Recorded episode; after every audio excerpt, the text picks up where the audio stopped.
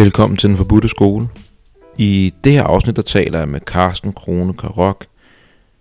Carsten og jeg, vi har lavet podcast før, og der blev det blandet om kunst, meditativ kunst, øh, som vi ikke kan anbefale at lytte til og tjekke hans kunst ud. Men øh, Carsten han har også været yogalærer i 25 år, undervist i yoga og meditation. Og i det her afsnit, der er det det, vi mødes om, omkring det meditative. Øhm, vi starter med at høre lidt om Carstens rejse ind i meditation og hans erfaringer, som han har gjort sig med yoga og meditation. Og efter det, der taler vi egentlig bare bredt om meditationen. Vi undersøger forskellige ting, og det, som der ligesom bliver på en måde centralt for samtalen, det er den her integration af øh, Østens visumstraditioner og deres meditative teknikker ind i en moderne verden. Hvordan får det form og bliver taget ind på en måde, at det øh, holder kontakt til det væsentlige, og så samtidig, at det også ligesom finder sin plads i, en, i vores samtid, i vores kultur og i vores hverdagsliv.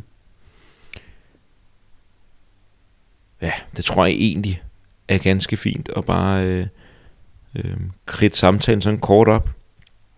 Carsten han er øh, tilbyder øh, personlige øh, vejledning i meditation og spirituel udvikling, og det gør han øh, under, eller inden ved navnet Klar og Fri, og man kan gå ind på hans hjemmeside klarfri.dk, øh, og også på hans YouTube, øh, Klar og Fri, hvor at han vil lægge forskellige guidede meditationer og øhm, øh, videoer, tage, ja, hvad kalder man sådan noget, undervisning op omkring meditation.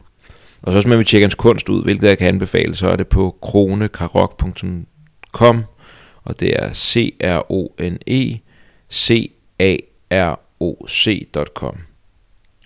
Det tror jeg vel egentlig var det. Fornøjelse igen at snakke med dig, Karsten. Håber vi kan gøre det igen. Og mig kan man kontakte på alexandergrigert skole.dk hvis man er interesseret i et terapeutisk forløb, eller bare at række ud. Så øh, er du meget velkommen der, og ellers så bare, hvis man har lyst til at støtte op om projektet her, så gå gerne ind på de sociale medier og tryk på de der knapper, man kan trykke på, og tal med venner og familie omkring podcasten. Spred ordet til dem, som de her samtaler kunne være relevante for.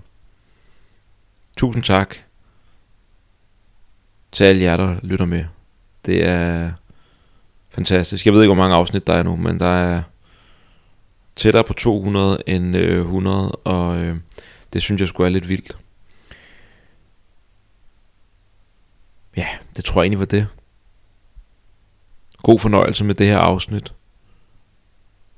Den er samtale om Carstens vej ind i meditation og integrationen af visdomstraditionerne og de meditative, meditative teknikker i vores samtid og vores samtidige liv. Rigtig god fornøjelse. Vi kan starte lidt ud med din øh, dig og meditation, tænker jeg, og så køre derfra. Hvad siger du til det? Jo. Jo. Ja, hvor skal jeg starte så? Jeg tror faktisk også, jeg fortalte lidt om det sidst, øh, vi snakkede sammen. Det tror jeg også. Øhm, man kan sige, den første sådan yogiske eller meditative praksis, jeg blev introduceret for, var, var ret tidligt, da jeg øh, gik til noget konkurrencesvømning, hvor jeg, vi ligesom trænede tre gange om ugen og tog til stævner i weekenderne og sådan noget. Men så tog vi også på, på træningslejr en gang om året hvor vi så var i Maribo af alle mm. steder, tror jeg det var. Fedt. Og så øh, en af øh, trænerne der øh, instruerede sådan en afspænding, hvor vi lå ned på ryggen på de madrasser, som vi ellers sov på. Mm. Og øh, jeg kan ikke huske, om vi gjorde det en eller flere gange. Det, det var nok flere gange. Og, øh, og jeg kan ikke sådan huske specielt, øh, hvad det gjorde, men i hvert fald gjorde det et stærkt indtryk, sådan, så jeg, det var mm. noget, jeg ligesom begyndt at praktisere derhjemme selv. Nå. Øhm, typisk inden jeg skulle sove, når jeg lå i min seng alligevel og ventede på at falde i søvn, ikke? så mm. lagde jeg mig på ryggen og, lavede sådan en kropsscanning typisk. Ja. Øh, jeg kan huske nogle, nogle af de måder, vi gjorde det på, var for eksempel at forestille sig, at man tog en øh, spand med maling, hvor man selv kunne vælge farven og en pensel, mm. og så malede man ligesom kroppen med den her farve hele vejen igennem. Ikke? Og der var også en anden, Smart. hvor man viklede ind i gasebånd, mm. så man ligesom viklede, ja. Og så gik hele kroppen igennem på den måde. Jeg kan ikke huske, om der var andre elementer i det også, men i hvert fald det fortsatte jeg med at bruge. Der er sådan en, øh, en version af en bodyscan i bund og grund. Ja, ja, sådan ja. en øh, meget øh, visuel en, ikke? Ja, ja. Øh, og som sikkert passer godt til børn. Jeg har selv prøvet den af på mine børn, og den, jeg tror godt, de kan... Det, det kan de godt. Det kan mm, godt være med. Ja. ja. Og så, øh, så gik der en hel del år før, før det, jeg ligesom kom videre med det. Og det var lidt tilfældigt også. Der, der kom jeg på en højskole, det var umiddelbart efter gymnasiet, øh, hvor jeg var taget hen for primært at tegne og male. Det var ligesom noget, jeg gerne ville dyrke mere. Mm. Øh, men den her højskole var så sådan lidt, øh, den havde både det ben at stå på den kunstneriske, mm. men så også sådan en selvudviklingsside. Øh, og det havde jeg umiddelbart ikke valgt nogen fag fra, men så var der et skrivekursus, som jeg ikke var så vild med. Og så hoppede jeg over på det her, der hed yoga. Hmm. Jeg anede ikke, hvad det var vel, men der var en fra mit øh, tegnehold, som, som gik på det, som jeg spurgte, øh, om, om han troede, det var noget for mig. Ja, ja, bare prøv. Og, øhm, og det gjorde jeg så, jeg tror, det var to gange om ugen i de seks uger, der var tilbage af, af mit forløb.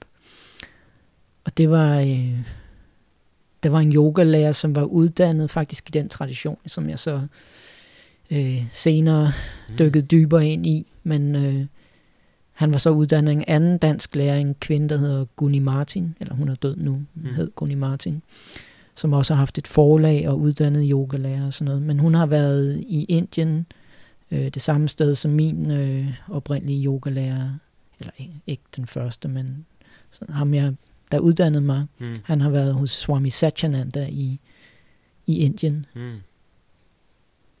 Ja. Der er besøg. Det er min datter. Det er din datter. Altså, vi lige kan pause? Ja, for pokker. Sådan. Så lige børn på besøg. Ja. Øh. Om jeg var ved at forklare lidt om det der med... Um, Swami. Swami Satyananda. Ja. Nå, men det kommer vi mere ind på senere formentlig. Men øhm, i hvert fald lavede jeg noget yoga der. Både fysisk yoga, og der var i hvert fald også noget afspænding. Ja.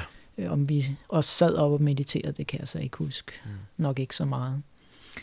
Øh, men det, det fornyede ligesom min interesse for det. Det ramte mig på et eller andet plan. Ikke? Mm. Og så kan jeg jo huske også, der var en, en fyr der på højskolen, som havde en yogabog fra en anden tradition, som jeg så læste i, og mm. blev meget fascineret af nogle af de ting, der stod og sådan noget.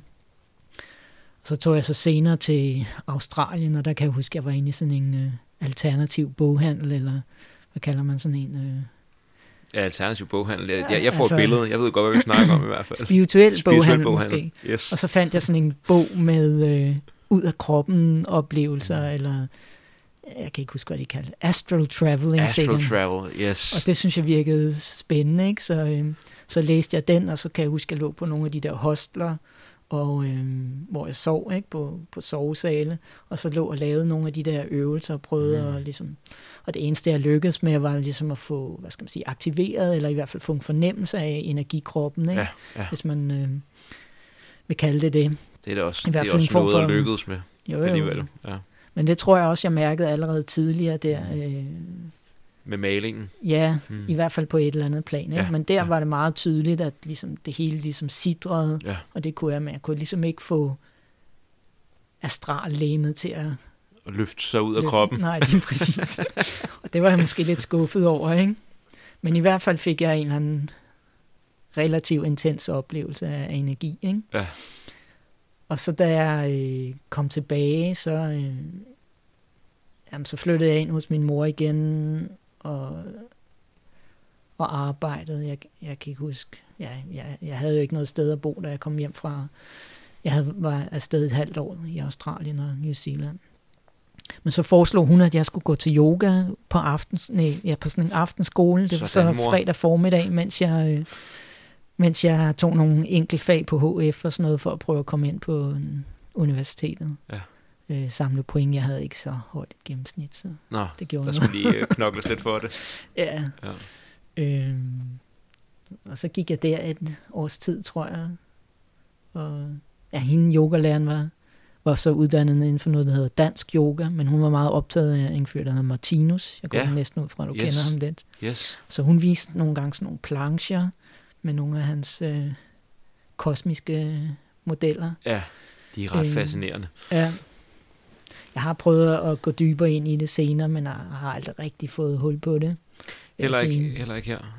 Men øhm, Meget fascinerende, at der er levet sådan en mand ja. i Danmark inden for de sidste 100 år, der har lavet sådan en ret velbeskrevet, som jeg forstår det, kosmologi. Det, øh, og det er så øh, ukendt sådan i den gængse danske Ja, befolkning. ja.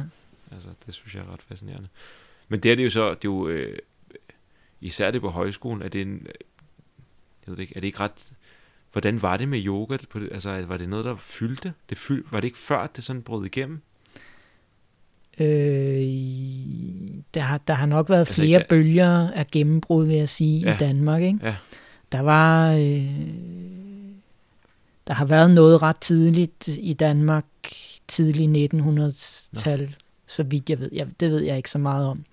Og så kom der i hvert fald en bølge igen der i øh, slut 60'erne og Ja. ja. 70'erne Nå med ja. hippiebevægelsen. Og så, så ved jeg ikke, om man kan sige, at der har været flere bølger undervejs, men så kom der i, i hvert fald noget i, i nullerne, Ja. meget stimuleret af, af, hvad der skete i USA. Ikke? Der var et kæmpe gennembrud der med yoga, som så flyttede sig til øh, Europa og Skandinavien, Ja. hvor det for alvor tog fart, kan man sige, og blev ligesom hverdags eje for rigtig mange mennesker, Ja, det- begrebet yoga. Ja. Fordi før det tror jeg, det var sådan lidt, lidt mærkeligt alligevel. Ja. Måske ikke tilbage i 60'erne og 70'erne, men måske i 80'erne og 90'erne var, var det sådan lidt øh, alternativt at lave yoga. Ikke? Yes. Men morbar, morbakkede der skulle op der? Lød det som om? Ja, jeg tror Altså, ikke, hun vidste noget om det. Nej, skal du ikke starte med? Nej, men, okay. øh, men hun synes, jeg skulle lave et eller andet, tror Ja, jeg. Ikke, ja, nå, yes. Okay, det er ikke den bare ånd. arbejde og sidde på mit værelse. Mm, mm. Øhm, men tak, tak for det, mor. Ja, ja, altså, det er et godt skub. Jeg tror ikke, hun var så vild med, at jeg så gik dybere ind i det senere, men øh, hun synes nok ikke, det var den sikre vej, eller den trygge vej. Det har det jo heller ikke været Nej. økonomisk set. Nej. Absolut ikke. Nej. Men, øh, men der er jo noget andet der, som er vigtigere, vil jeg Ja. sige. Ja. Hvornår begyndte det at blive sådan en, øh, hvor, hvor du gik dybere, hvor du kunne mærke, at nu, øh, nu begynder du at stikke dybere ned i Så noget? gik jeg der og arbejdede øh, og gik på HF og læste filosofi og psykologi, mm. altså Mm. på HF-niveau. Ikke? Ja, ja. og øh, gik rundt ind i byen nogle gange, og så, øh, ja, så kom jeg forbi Købmagergade, Mm. og så på det tidspunkt, der stod der sådan en stor stander ude på gaden med næseskyldning, Mm og jeg havde lånt en eller anden bog på biblioteket, hvor der stod om næseskyldning og tungeskrabning og sådan noget. Sådan. det var jeg lidt nysgerrig på, og så gik jeg op og, øh, og hørte, om de havde en tungeskraber, men nej, det havde de ikke. Men de havde den der næseskyldkan, om jeg ikke ville prøve den. Og det var sådan lidt, ah, det tror jeg ikke men, men så blev jeg overtalt til det, og så var det sådan, wow, det var fedt. Og så købte jeg en kande og tog den med hjem, og så fik jeg også sådan en brochure med hjem Ja fra et retreat center, der, der ligger oppe i Sverige. Mm. H Retreat Yes. Center. Ja, det fortalte du om sidst, ja. Øh, yes. og så læste jeg i den, og det var nærmest sådan en hel bog med både billeder og rigtig meget tekst, der beskrev kurserne der. Og det vidste jeg bare, det, eller det kunne jeg bare mærke, det, det trak i mig. Det var noget, de beskrev nogle ting, som jeg synes virkelig var spændende. Ikke? Ja. Så jeg startede med at tage på et 14-dages kursus, øh, som var sådan blandet øh, yoga og meditation, ikke? hvor man stod op klokken 6 om morgenen, eller startede klokken 6 om morgenen i yogarummet med at lave sådan en koncentrationsøvelse med et lys, og Mm. lave nogle fysiske øvelser og åndedrætsøvelser, så fik man lidt morgenmad, og senere på dagen lavede man øh, noget åndedrætsmeditation og liggende afspænding, yoga nidra, og Mm. så lavede man også noget karma yoga, altså noget praktisk arbejde, hjælp med madlavning eller i landbruget eller et eller andet. Ja. Og der var også, de havde sådan en øh, pyramide, hvor man kunne ligge og flyde i saltvand. Kender du Det- ikke dem? Sådan en float-tank. Jo, jo, altså, jeg, jeg havde din flow vildt nok. Altså, Pyramideformet formet float-tank. Ja, Ja, fedt. det har de stadigvæk deroppe. Vildt. Øh, Mørk og... Ja, ja. Yes. Og tempereret og det hele. Totalt sådan s- sansehvile. Ja. Det, hvad synes du om den oplevelse? Jamen, det giver jo en øhm, meget nemmere tilgang til den meditative tilstand, end, end øh, hvis man sk- skal sidde i en eller anden halv ubekvem stilling, som Ja. kroppen ikke er vant til. Ikke? Man vender sig jo til det efterhånden. Og, Ja. Og jeg vil sige, at jeg kan gå dybere, når jeg sidder nu, end jeg kan i, i, i sådan en tank. I hvert fald på en mere bevidst måde. Ikke? Ja. Men det, det, er, det er jo rigtig god, godt som nybegynder, vil jeg sige, at, at prøve sådan noget. Øhm, og så var, ja, så mere yoga om eftermiddagen, og også nogle forskellige praksis om aftenen, blandt andet fra Sufi-traditionen. Mm. Vi lavede forskellige, ja, Sufi-yoga kan man næsten kalde det, men det, det er anderledes end, end den Nå. indiske yoga. Blandt andet, hvor man står med armene over hovedet, og så hopper man bare, og så råber man hak, hak, hak, hak, Oh. i et kvarter og bliver totalt udmattet, og så ligger man så ned på ryggen bagefter. Og, og så er der jo en kæmpe forløsning, fordi man har jo Yes. ligesom anstrengt sig så meget, ikke? Yes. Og så uh, får man lov at give slip, ikke? Nå, så det, er sådan, det, var, det var et sted, der sådan trak på flere forskellige traditioner. Ja, de havde haft besøg af en øh, sufi-mester fra Marokko, jeg tror tilbage i 80'erne, wow. som så havde lært øh, yogalærerne der nogle af de teknikker, de bruger, også med sang og nærmest sådan en mantra, hvor man sidder og siger øh, den øh, islamiske trosbekendelse, mens man øh, ligesom, nogle gange sådan sidder og vipper med hovedet. Sådan. Mm. Nå. Okay. Men nok om det. Yes. Men spændende. Det synes jeg er spændende. Jeg synes, at sofismen er vildt spændende, og det er sjældent, man møder folk.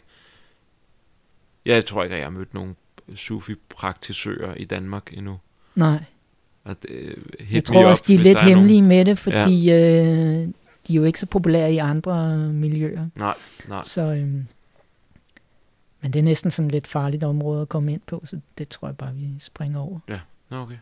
Okay. Fair. Yes.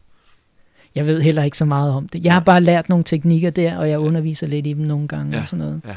Øh, nogle af de blidere af dem. Ja. Men så det, var, det, var det ligesom øh, op på retreat-centeret, at du fik... For der er ligesom den der, der er den der yoga, den fysiske yogavej, og så er der meditationen. Var det der, hvor du sådan virkelig gjorde dig sådan immersed, eller sådan virkelig øh, gik ind i meditationen? Altså jeg vil sige, på det kursus var det lidt... Altså der var rigtig meget meditation, ikke? Mm. Øh, I hvert fald sammenlignet med... Eller det var måske første gang, jeg rigtig havde prøvet at sidde i meditation i længere tid, ikke? Hvad er længere tid? Ja, sådan en times tid måske, Yes, eller Yes. måske lidt længere faktisk til, til, til slut.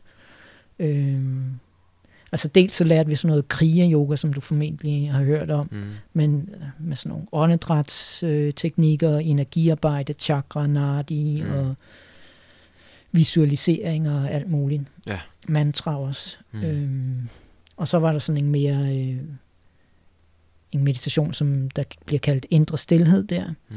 som er sådan en, det minder lidt om mindfulness, ikke? hvor man, øh, eller vipassana, mm. eller mahamudra blev det sammenlignet med der, Mm. Øh, som er mere sådan, hvad skal man kalde det, opmærksomhedsbaseret. Ja. Men det var lidt sådan, at øh, altså jeg havde løbet en del, og havde rigtig ondt i, i benene, øh, når jeg sad, så jeg, jeg synes ikke helt, jeg kunne øh, ligesom gå ind i det. det. Det gjorde simpelthen for ondt. Yes. Men jeg kunne helt sikkert mærke, at der var et eller andet her, som bare trak i mig. Ja. Så jeg besluttede, at hvis jeg ikke kom ind på RUK, altså universitetet, Ja. som jeg havde søgt ind til, så ville jeg tage på tre måneders kursus. Sådan. Og det var så et halvt år senere om vinteren, for det her var om sommeren. Og, øhm, og det gjorde jeg så, Mm. for jeg kom ikke ind på RUK. Så kom du fandme på, så kom du fandme på tre måneders kursus. Ja, det yes. gjorde jeg, Yes. og det var vildt fedt. Og der bliver man jo indvidet i, i den store kriger-yoga, som de kalder den. Øhm, så først så bruger man sådan fem uger cirka på at varme op, ikke? Hvor man lærer først... en lang opvarmning. ja, ja, men, ja, ja. men øh, det er nærmest det, der skal til, hvis man skal lære det på en harmonisk måde. Yes. Man kunne sikkert også endnu bedre bruge længere tid på det, men der er jo en lang tradition for sådan en tre måneders periode ja. i regntiden i Indien, yes. hvor man brugte tid på retreat, ikke? Okay. Så det er måske der, det stammer fra, at det lige blev tre måneder. Ja. Men måske også, at det er overskueligt for, for nogle mennesker i hvert fald kunne afsætte tre måneder til et eller andet. Ikke? Ja. Nå, men øh, så bruger man... Øh, og så lærte man det, man lærte på det der 14-dages kurs, det lærer man så over fem uger i stedet for, ikke? Mm. cirka. Ja. Og så er der så øh, fire-fem uger med tavshed, hvor man lærer den her store kriger-yoga, cirka 22 kriger fra det grove, som er ret fysiske, til det allermest fine, ikke? Sådan meget subtile, meditative udforskninger, kan man måske kalde det, eller øvelser, mm. som skal være hemmelige, så jeg må ikke fortælle dig om det her. Mm. Øhm, og så bruger man så de sidste cirka tre uger til ligesom at praktisere det og, og lande og forberede sig på, at nu er kurset slut, og man ligesom skal tilbage til, til øh, byen, hvis man kommer fra byen eller sådan noget. Wow, så den er bygget op i tre, altså i første fase opvarmning, og så en, en stillhedsfase på 4-5 uger? Ja. Vildt nok. Mm-hmm. Sådan. Ilddåb. yes. Ja, så alligevel ikke, fordi man har jo haft den der opvarmningsperiode. Nå ja. ja. Og hvis man ikke ligesom finder sig til ret i det, så tager man hjem, ikke? Ja. Så i løbet af det der kursus, vi startede måske som 30, og der var kun 20 tilbage, da vi sluttede, ikke? Okay. Så, så og, og der, når i, i stillheden, der går man, arbejder man sig fra den grove krop ned i den subtile krop, og så i sidste fase er det jo, altså det er jo det er bare, bare meget sjovt med hele den her, også noget med, det er noget, som jeg... Det var, det ja. var lidt misforstået, så det vil jeg lige yes, øh, yes. følge op på der. Altså den der kriger-yoga-meditation består af, jeg tror det er 22 kriger, som man lærer. Ikke? Man ja. lærer en af gangen ikke? over ja. den der periode. Måske en om dagen, tror jeg det er. Ikke? Og hvad er en kriger? Jamen, kriger betyder handling, tror jeg nok. Mm. Det er i hvert fald en form for aktiv meditativ øvelse. Okay. Så man kan sige, at de her mere opmærksomhedsbaserede øvelser eller meditationer er, øh, er passive, kan man sige. Ikke? Yes. Det er de så ikke nødvendigvis altid helt passive. Men i hvert fald er det mere aktivt at lave de her kriger. Øh, så man kan også sige, at formålet med krigerne er, at der skal ske en eller anden form for ændring mm. i ens tilstand, en transformation. Man åbner op i energikroppen mm. og ligesom arbejder med at opløse blokeringer og styre koncentrationen mm. og afspænding og alle mulige effekter yes. kan de have. Ikke? Yes. Og der er nogle af dem, der er lidt grovere, kan man sige, som er mere fysiske. Det kan være en eller anden stilling, hvor man holder vejret og visualiserer alt muligt og mærker energi og sådan noget. Øh, og det er som regel det, man starter med. Ikke? Så lærer man nogen, som er meget åndedrætsbaseret, og så lærer man nogen, som er mere stillesiddende, ja. og hvor man ikke kan se, der sker noget udefra. Øhm, Sådan lidt energimeditations visualiseringer. Ja, og, ja. ja. Ja, Lad os ikke komme ikke, nærmere nej, ind på du må det. Ikke, det pokkers, men jeg troede, vi lige kunne vride armen om på dig. Nej, fedt. Yes. Øhm, og, man ender jo med at gå igennem hele det her forløb øh, hver dag. Så, så tager det sådan, når man laver det længst tid, så tager det fire og en halv time at komme igennem det her forløb. Ikke?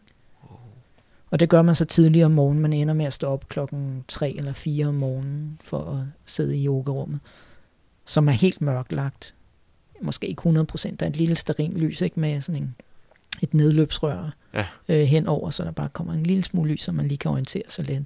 Men ellers, og så til allersidst er det bælragende mørkt, ikke? Wow.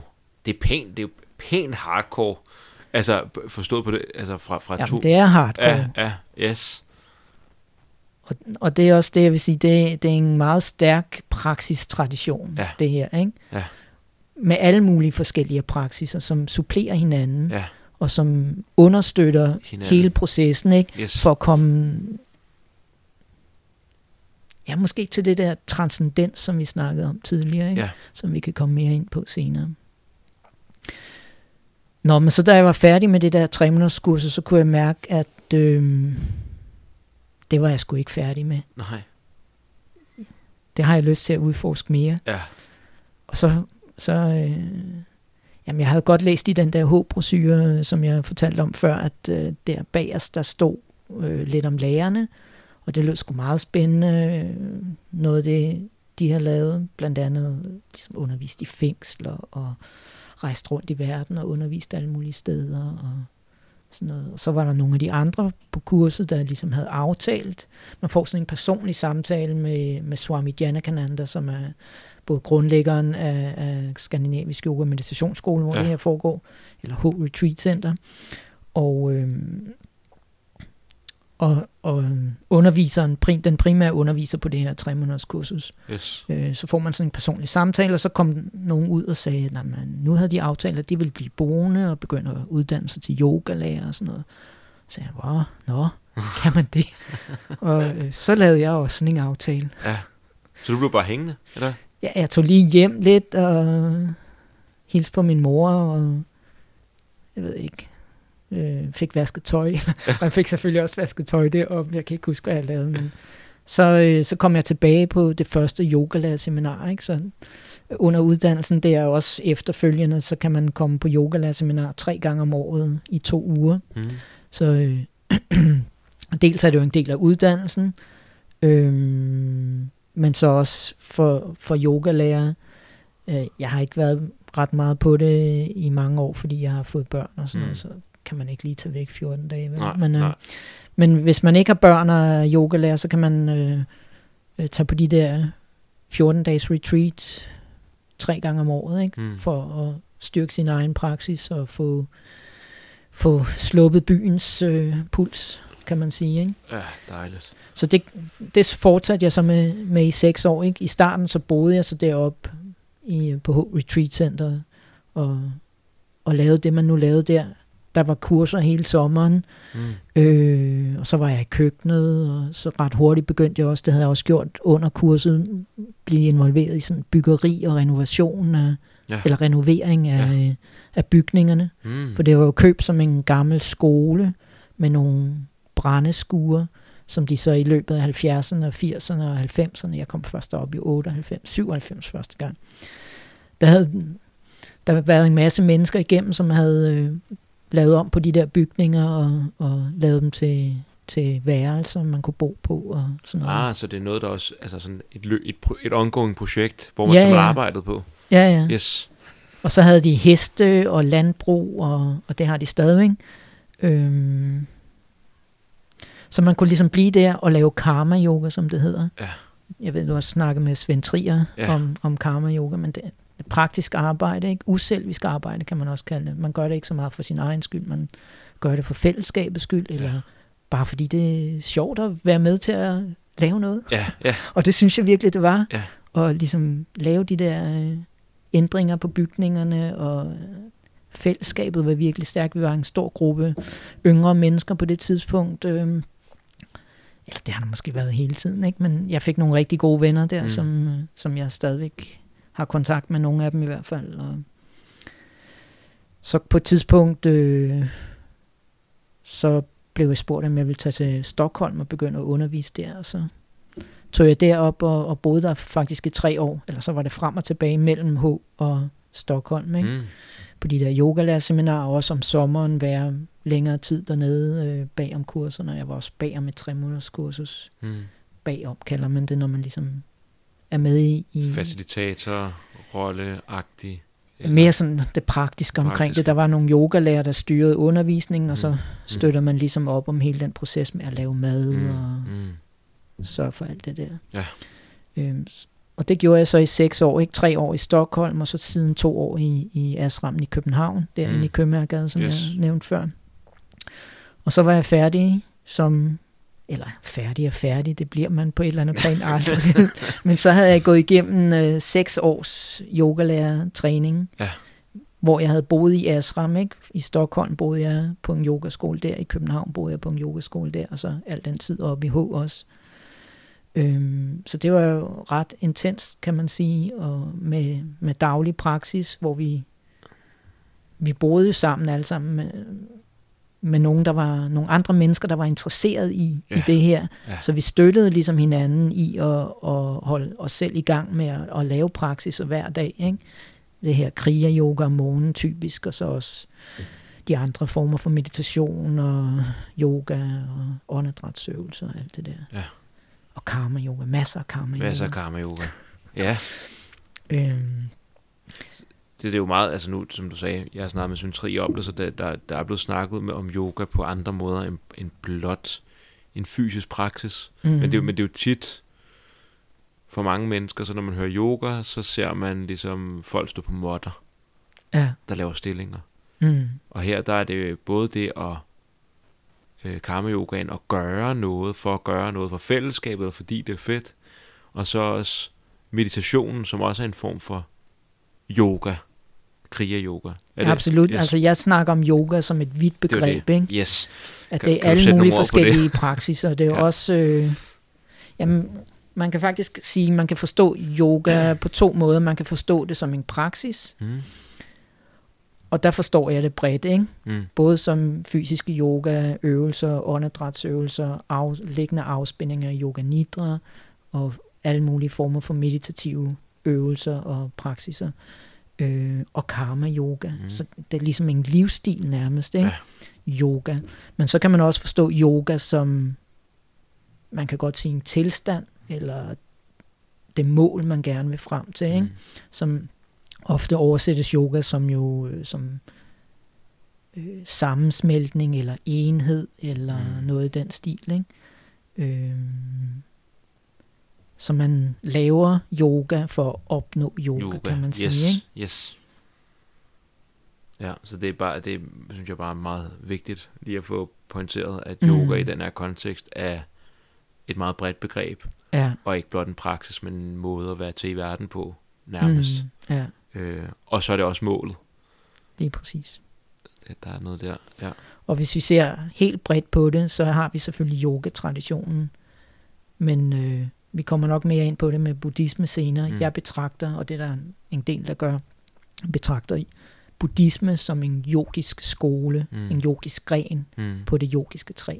Yes. Skal, altså nu har du åbnet den. Jeg får næsten, skal vi, ikke, skal vi ikke bare tage den? Jeg har lyst til at høre mere om det yogiske træ. Ja. Ja. Hvad så, vil du høre Ja, hvad, hvad, hvad, når du siger det, buddhismen er, øh, ikke fordi jeg, jeg tænker, det er jo enig i overhovedet, men hvad, hvad, når du siger et yogisk træ, hvor udspringer det fra? Hvad, øh, Tænker du sådan historisk set? Ja, må, ja, måske, og praksismæssigt, hvad er der for nogle forskellige grene, sådan, om vi kan snakke om det. Fordi du er jo øh, noget af det, som jeg synes, der var rigtig spændende øh, ved vores sidste snak, og noget af det, som har fulgt mig efterfølgende, ud over dine fantastiske billeder, som hænger durk, lige når jeg vågner. Øh, og nu er jeg lidt i krise, fordi vi har rykket rundt i soveværelset, fordi der skal være øh, altan, så der er et eller andet med, at jeg kan ikke ligge hver, hver morgen, så jeg ellers bare ligget og kigget på de der billeder der. De øh, kigget mig lige i ansigtet, hvilket er virkelig er nyt. Så det har jeg taget med mig. Noget andet, jeg har taget med mig, det er, øh, jeg ved ikke, hvordan, vi skal, hvordan man siger det på dansk, men Shiva-tantrismen og en øh, fascination af ham her, der hedder Haris, mm. som øh,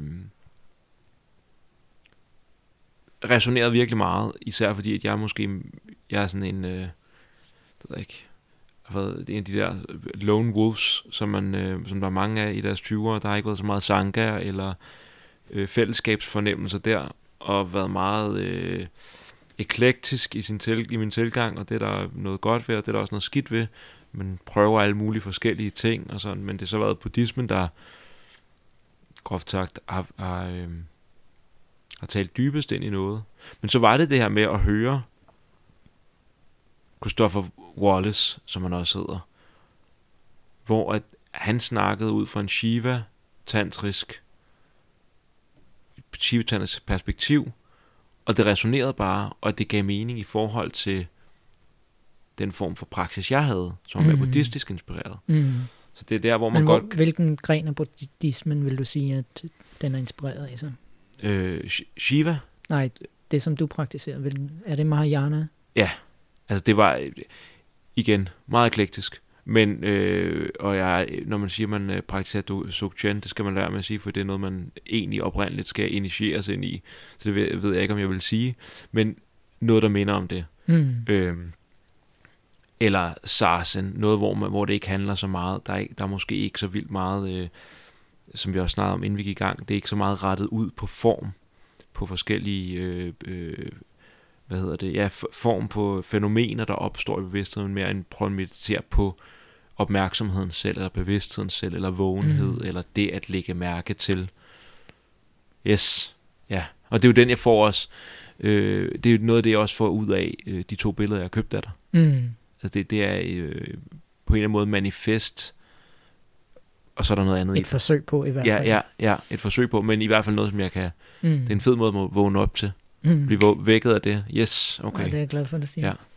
Så, øhm, Jamen, det er jo ikke så underligt, at du har den oplevelse, Nej. fordi hvis man tager tibetansk, tibetansk buddhisme, hvor øh, Dzogchen stammer fra, Ja. så øh, har det jo ligesom den samme grund, som det Christopher Wallace snakker om. Yes. Og i virkeligheden er, er kæmpe stor overlapning, i hvert fald sådan filosofisk eller øh, tilgangsmæssigt Ja. set. Øh, og så vidt jeg har hørt, altså jeg, jeg har bare interesseret mig for det her på hobbyplan. Jeg er så hverken historiker eller filosof, så jeg kan kun en lille smule om det. ikke? Ja, ja, men lad os bare lidt, snakke mere, om det. lidt mere end øh, de fleste måske. Ja, det tænker jeg også. Men altså ikke på Christopher Wallace niveau. Nej, det er også, der tror jeg ikke, der er mange, der er deroppe. Nej, formentlig ikke. Nej. Øh, men altså, Christopher Wallace snakker om en fyr, der hedder Alexis Sanderson, som Mm. er en akademisk øh, forsker i Oxford, Mm. som, som er nok den, der kan allermest om, om det historiske og perspektiv på det her. Og, og han har til sydenladende ført bevis for, at øh, den tradition, vi i dag kalder tantra, den er opstået blandt Shiva-dyrkere Mm. i Indien. Mm. Og da øh, på det tidspunkt, vi er måske omkring 500 efter vores tidsregning, eller inde i vores tidsregning, eller hvad man siger, Mm. der var Indien jo øh, eller hvad hedder det, buddhismen rigtig stærk i Indien, så buddhisterne tog altså den her tantra til sig, Mm. som ikke er en særlig form for religion, men en måde at praktisere spiritualitet på, lad os kalde det det, i stedet Ja. for religion. Ja. Øhm, og det tog de ret hurtigt til sig, øh, men øh, det kan man ikke se i Indien længere, fordi buddhismen er stort set, i hvert fald den form for buddhisme er stort set uddød. Øh, men den blev jo, før, før den ligesom blev udryddet, formentlig af den muslimske indvandring Invasion, eller ja. invasion, Ja. så migrerede den jo til, Tibetan, til, til, til Tibet, hvor den så har overlevet. Ja. Øhm, og hvis man kigger på det, så ligner praksiserne på mange måder hinanden. Nogle gange er det bare et gudenavn, som er skiftet ud og sådan Ja, noget. ja. Øhm, og ikke fordi det skal handle om, om guder overhovedet, men øh, det er jo på mange måder en ret øh, nøgtern af religiøs form for verdenssyn, vil jeg sige. Mm. I hvert fald den del, jeg er tiltrukket af. Hvad tænker du, når du siger er religiøs? Hvad, hvad betyder det for dig? Altså det, tantra er jo mangfoldig, så Yes. yes. der er jo også øh, tilbedelse inden for tantra, hvor man har en eller anden praksis, hvor man øh, eksternaliserer det ophøjet, Yes. hvad man måske vil kalde det guddommelige, ikke? Ja. det absolute, eller det er svært at bruge et ord, som, øh, som virker for alle, ikke? Ja, ja. så nogen reagerer meget stærkt øh, negativt, hvis man Slam. kalder det noget, der lyder religiøst. Ikke? Ja. Så måske skal vi prøve at kalde det det absolute. Ja. Øhm, hvad var det, jeg vil sige om det? Nå jo, at der er nogen, der har brug for at eksternalisere det. De oplever det som om, det er noget uden for dem selv. Ikke? Yes, Og yes. har brug for en eller anden form for skikkelse måske, Ja, og projicere deres hengivenhed til det over på. yes, Og det er helt okay inden for tantra at have brug for det, yes. men et højere mål er at indse og opdage, at, at det er... Du, det, er, du var det allerede. det, ja, vi er det allerede, Yes. Og har altid været det. Ikke? Ja, ja. Så, så, så det religiøse er for, for dig, jeg ved ikke, men det lyder sådan som, som at det er så stadig det plan, hvor vi har eksternaliseret noget, vi er, vi er en tilbedelses, øh, tilbedelsesforhold til det ultimative eller det absolute. Ja. ja. ja. Og det, der interesserer dig... Det kan jo også have et mere abstrakt mm. udtryk, for eksempel et symbol. Ja. Men det kan også blive endnu mere abstrakt, kan man måske kalde det, og kun være en ændret ja. ting, ikke? Ja, eller mere, mere konkret. Ja, det er jo sådan lidt eller mere konkret. Ja. Det er, hvordan man ser på det. Sproget kommer jo til kort, når ja. vi snakker om de her ja, ting, ikke? men ja. vi må bare prøve så godt vi kan. Men så her der får, på det der yogiske træ, du nævnte, ja. her der får man en fornemmelse af det. At, at altså, ja, det er noget, der sådan en gang så kan jeg godt lide at tænke på, hvor jeg ville tage hen, hvis jeg havde en tidsmaskine, og lige genopleve nogle, nogle, mm. nogle steder og tidsperioder. Og en af dem har altid været Ægypten, og så et andet, det er Indien for sådan ja, to og et halvt tusind år siden til tusind år efter, og måske også før det, altså øh, mm. i tiden med Upanishaderne, og, men, men det er jo helt vildt en religiøs og spirituel mangfoldighed, der er opstået der i Indien. Mm, virkelig. Ja. Øhm, og så måske, jeg kan, jeg kan ja. sige en lille smule om den historiske udvikling, sådan som jeg har ja. fået den fortalt yes. fra den akademiske synsvinkel. Yes. Fordi der er jo også andre måder at anskue det på, som er mere sådan, øh, hvad skal man sige, anekdotisk måske, at i traditionerne, der er en ja. overlevering, mundtlig overlevering om, hvor tingene kommer fra. Yes. Og hvor, hvor meget man kan stole på det, det er jo svært at sige, men den akademiske vinkel er jo ligesom prøver at holde sig til dem, der kan verificeres mm. ved skriftlige kilder, eller kunstneriske udtryk, eller mm. arkeologi og alt sådan noget. Ikke? Ja. Men lad os tage den vinkel. Øh, omkring 500 før vores tidsregning, måske lidt tidligere, er der opstået en eller anden bevægelse, som man kalder Sramana-bevægelsen. Mm. En shraman er en, der stræber mm. efter frigørelse måske. Mm. Øhm, og det har været en meget asketisk tradition, lader det til. Du kan forestille, i Indien er der stadigvæk mennesker, der formentlig ser nogenlunde ud, ligesom de har gjort dengang. Dreadlocks, yes. lange dreadlocks, de klipper aldrig håret, de smører sig selv med aske, øh, og nogle af dem øh, lever meget asketisk, så spiser meget lidt, og det er også det, vi kender fra Buddhas historie, ikke? Yeah. at da han forlader sin, sin, øh, sit slot, eller hvad det nu er, yeah øh, sin familie i hvert fald, familie, ja. så, så slår han sig sammen med nogle andre af de her stræber, mm. som lever meget asketisk, helt ud i det ekstreme. Ikke? Ja.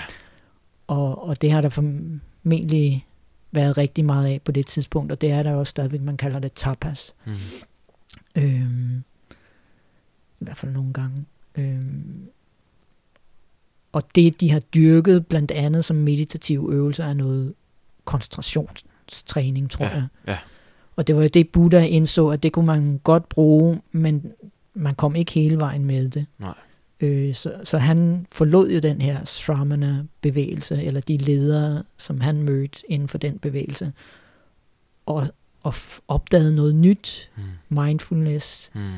Øh, eller bare væren med det, som er. Ikke? Mm. Og den frihed, der er i det, og formuleret nogle formentlig formuleret. Det er jo svært at vide, om, om det egentlig er ham, der har lavet, ja, det var ligesom, overleveringer beskrevet længe. de fire edle sandheder, den mm. ottefoldige vej, eller mm.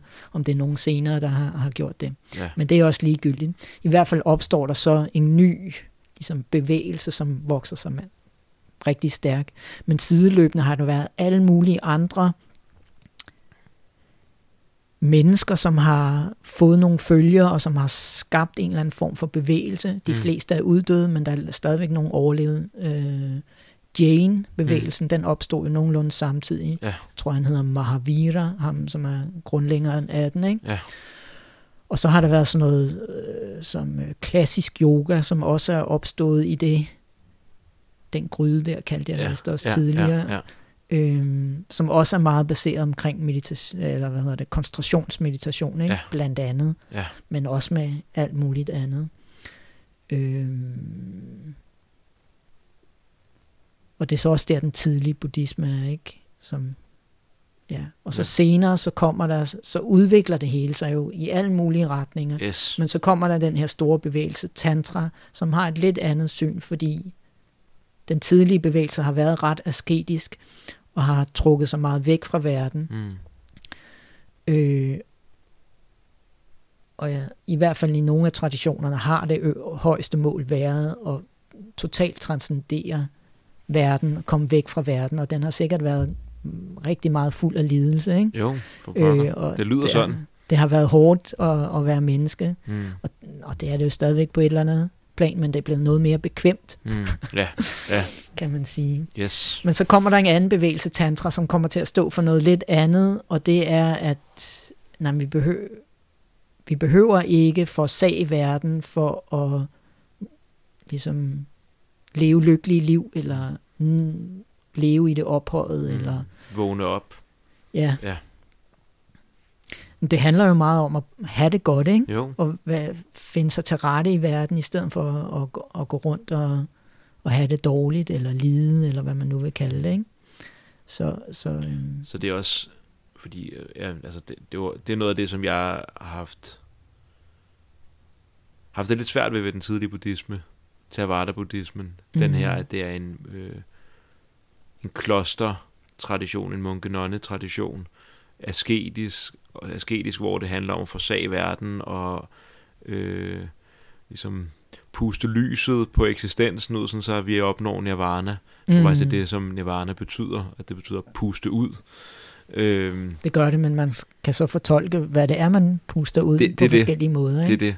Men i hvert fald i den kontekst, så bliver det ofte, eller det kan tit se sådan ud, ikke også, at også Arhat, som er den, den, den det, fje, det højeste trin på oplysningsstigen i den tidlige buddhisme, som altså betyder, at man ikke mere kommer tilbage. At nu er Mm. jeg er ude af det samsariske hjul. Mm. Så når jeg dør, så, øh, så, så er det det. Og så øh, er jeg bare i, ja, pustet der er, jo, ud. der er jo så også stadigvæk en tro på noget individualistisk. Mm. Et individ, ikke? som kan Puste noget ud. nå en eller anden form for frelse. Yes, yes. Og det, og det er noget af det, som jeg synes er spændende, fordi nu nævner du, man kan lige, jeg, synes bare, man kan lige forestille sig Indien på det her tidspunkt, hvordan at alle de her bevægelser, de begynder også at tale med hinanden, og der det er jo en, jeg synes, en gryde er virkelig godt, altså, det er jo en, det er noget af en chili con carne, der er i gang her, altså. Masser af krydderier, og, og hvad kommer der ud af det? Og der er et eller andet, som er, sker i, når der, der, på noget senere tidspunkt, jeg er ikke så god til tallene, men det er nok omkring de der også 500-600 år, hvor Mahayana-buddhismen begynder at, at blive øh, formaliseret og skrevet ned, for den mener jeg faktisk blev skrevet ned på det tidspunkt, at, øh, at der begynder man at sige, jamen hvad med, læge, altså, hvad med lægefolkene? Mm. Så lige pludselig de sutraer, der er der, der er det ikke kun alle de her munker og nonner og følgere af Buddhaen, der er til stede, der er det lægefolk, der er til stede. Og der begynder at opstå en, øh, en form for buddhisme, som ikke tager afstand fra verden, men som prøver Mm. at inkludere verden og formen. Og det, Men det, det er i virkeligheden nok ikke så firkantet, Nej. som, som, som det er. Fordi jeg er i hvert fald for nylig blevet opmærksom på en eller anden tidlig sutta, mm. som efter sine skulle være leveret af, af Buddha Ja. til lægemennesker, Mm. som, øh, som giver nogle leveråd og alt sådan noget. Så der har også været det Ja. spor Men, i men, den mere, tidlige buddhisme. men det virker mere som om, at følgerskabet, det store brede følgerskab, mm. var, det er i hvert fald det, jeg har, har læst mig frem til, ja. at, at det er ikke fordi, han, han ekskluderede ikke, ikke lægemennesker, mm. men at der mere var sådan et fokus på, Jeg tror også, han opfordrede folk, ja, øh, mennesker til hans, at hans, hans kone og hans børn blev forth også, into lowliness Yes. og sådan noget, der Ja. er blevet beskrevet som Ja. på engelsk. Ikke? og det har nok også været en, en, øh, en reaktion på, altså netop som du siger, der skulle nok været pænt lidelsesfuldt Mm. på det her tidspunkt. Og måske også nogle ret stramme øh, sociale koder, som man skal passe ind i, Ja. når man bor i, God pointe der. i samfundet og i livet. Ja. Så der har været en eller anden opfattelse af, at man var nødt til at gøre det der, for at kunne nå det allerhøjeste mål i hvert fald. Ja. Og det er jo det, tantra gør op med, kan man sige. Ja, og det, og det er jo noget af det, der jeg synes, jeg kommer, kommer lige i tanke om, det er, jo, det er jo ret spændende at se, hvad er det for en, hvad er det for et, vi skal kalde det for et meditativt mål, der ligger i for eksempel den tidlige buddhisme, eller øhm, i de mere asketiske traditioner, og hvad er det for et meditativt mål, hvis du kalde det det, Mm. i de tantriske traditioner. For det virker også som om, at der er nogle, øh, det var noget det, vi snakker om, inden vi gik i gang med podcasten, at der er nogle forskelle i både praksiserne, men også hvad man ser som værende ja, målet, eller hvad, hvad opvågning skal manifestere sig til. Altså, hvad, er, det, er, det, er det nirvana og total transcendens, eller handler det om at være til stede i livet på en mere fri måde, en mere kærlig måde? Øh, Ja, det mere, sidste. I de tantriske traditioner. Ja, ja. ja. Og det, og det er bare sjovt at se, hvordan at den ændring, synes jeg, det er spændende at se, hvordan den ændring i fokus, meditativ fokus, og, og, og hvordan man betragter målet for den, for den meditative vej, eller for den spirit- spirituelle liv, hvordan det ændrer sig alt efter, øh, hvordan den bliver praktiseret. Bliver det, bliver det praktiseret primært i klosterkontekst, eller bliver det praktiseret i levende, øh, sprudlende, øh, farverige liv, hvor der Mm. sker alt muligt med, hvad, hvad, hvad livet ellers indeholder af, af godt og skidt. Mm. Altså at, at, at meditationerne, sådan som jeg forstår det i hvert fald, og, og, og øh, det der, hvad hun kalder for målet for meditation, de ændrer sig, ligesom alt efter, hvad for en Mm. kontekst. Jamen både praksis, Ja. livssyn, Ja. og også, hvad man nogle gange kalder frugten, ikke? altså Mm. udbyttet. Yes. Det hele ændrer sig, Ja. i hvert fald på et subtilt plan, Så kan vi... Skal, men et væsentligt plan, vil ja, jeg sige. meget, ja, meget væsentligt plan. Et, øh, øh, jeg kan, vi lad, lad os prøve at snakke lidt om det. Og det er måske også her, hvor vi har snakket lidt om at snakke om øh, buddhisme og øhm, øh, Shiva-tantrismen eller yoga-traditionen. Der er måske også der, hvor vi kan komme ind på nogle af de forskelle. Men måske er det, er det mere en forskel mellem det mere øh, det ved jeg ikke, asketiske øh, vær, øh, øh, mm, det, der ønsker transcendens, søger transcendens, og så det, der er tantrisk og søger at inkludere verden. At det, Mm. På en eller anden måde, så er det... Er det Men som jeg forstår det, så er der ikke noget galt med at søge transcendens. nej, Det er godt, og det er Mm. måske også nødvendigt for at kunne få den her, komme til den her mere frie måde at, at være til stede i verden på. mm, Øh, men når man så har nået den her trans- transcendens, eller det er ikke som et endeligt mål, men så, øh, så vender man ligesom tilbage igen og integrerer, kan man sige, Ja. det hele, Ja. hele svineriet i den transcendente fornemmelse eller oplevelse, eller ja. hvad man vil kalde det. Men, Men, og det er jo både noget, der sker sådan på den lange bane. Ikke? Man, man kan sige, okay, først så søger jeg en eller anden oplevelse af transcendent, transcendens, øh, hvor jeg ligesom kan komme ind i en oplevelse af at være totalt fri, mm, men som en indre oplevelse. mm, Og så vender man sig om og så integrerer. Men det er jo også noget, der sker sådan hver dag, eller hver gang man prakti- praktiserer. Ikke? At man, selv, i hvert fald hvis man har en formel meditationspraksis, og det behøver man ikke nødvendigvis at have. Men jeg er tilhænger af det, og tror på styrken i at have formel praksis. yes.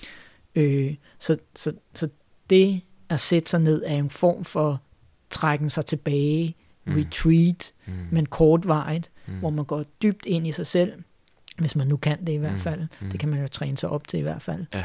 Og opnå den her frydefulde, fredelige transcendens, som er fyldt med os mm. ligesom livskraft og Ja, juice. Ja, simpelthen. Og så, så når man så vender ud, opmærksomheden ud, igen, ud af igen og begynder at bevæge sig, så er der jo noget af den oplevelse eller den fornemmelse, som kommer med ud. Mm.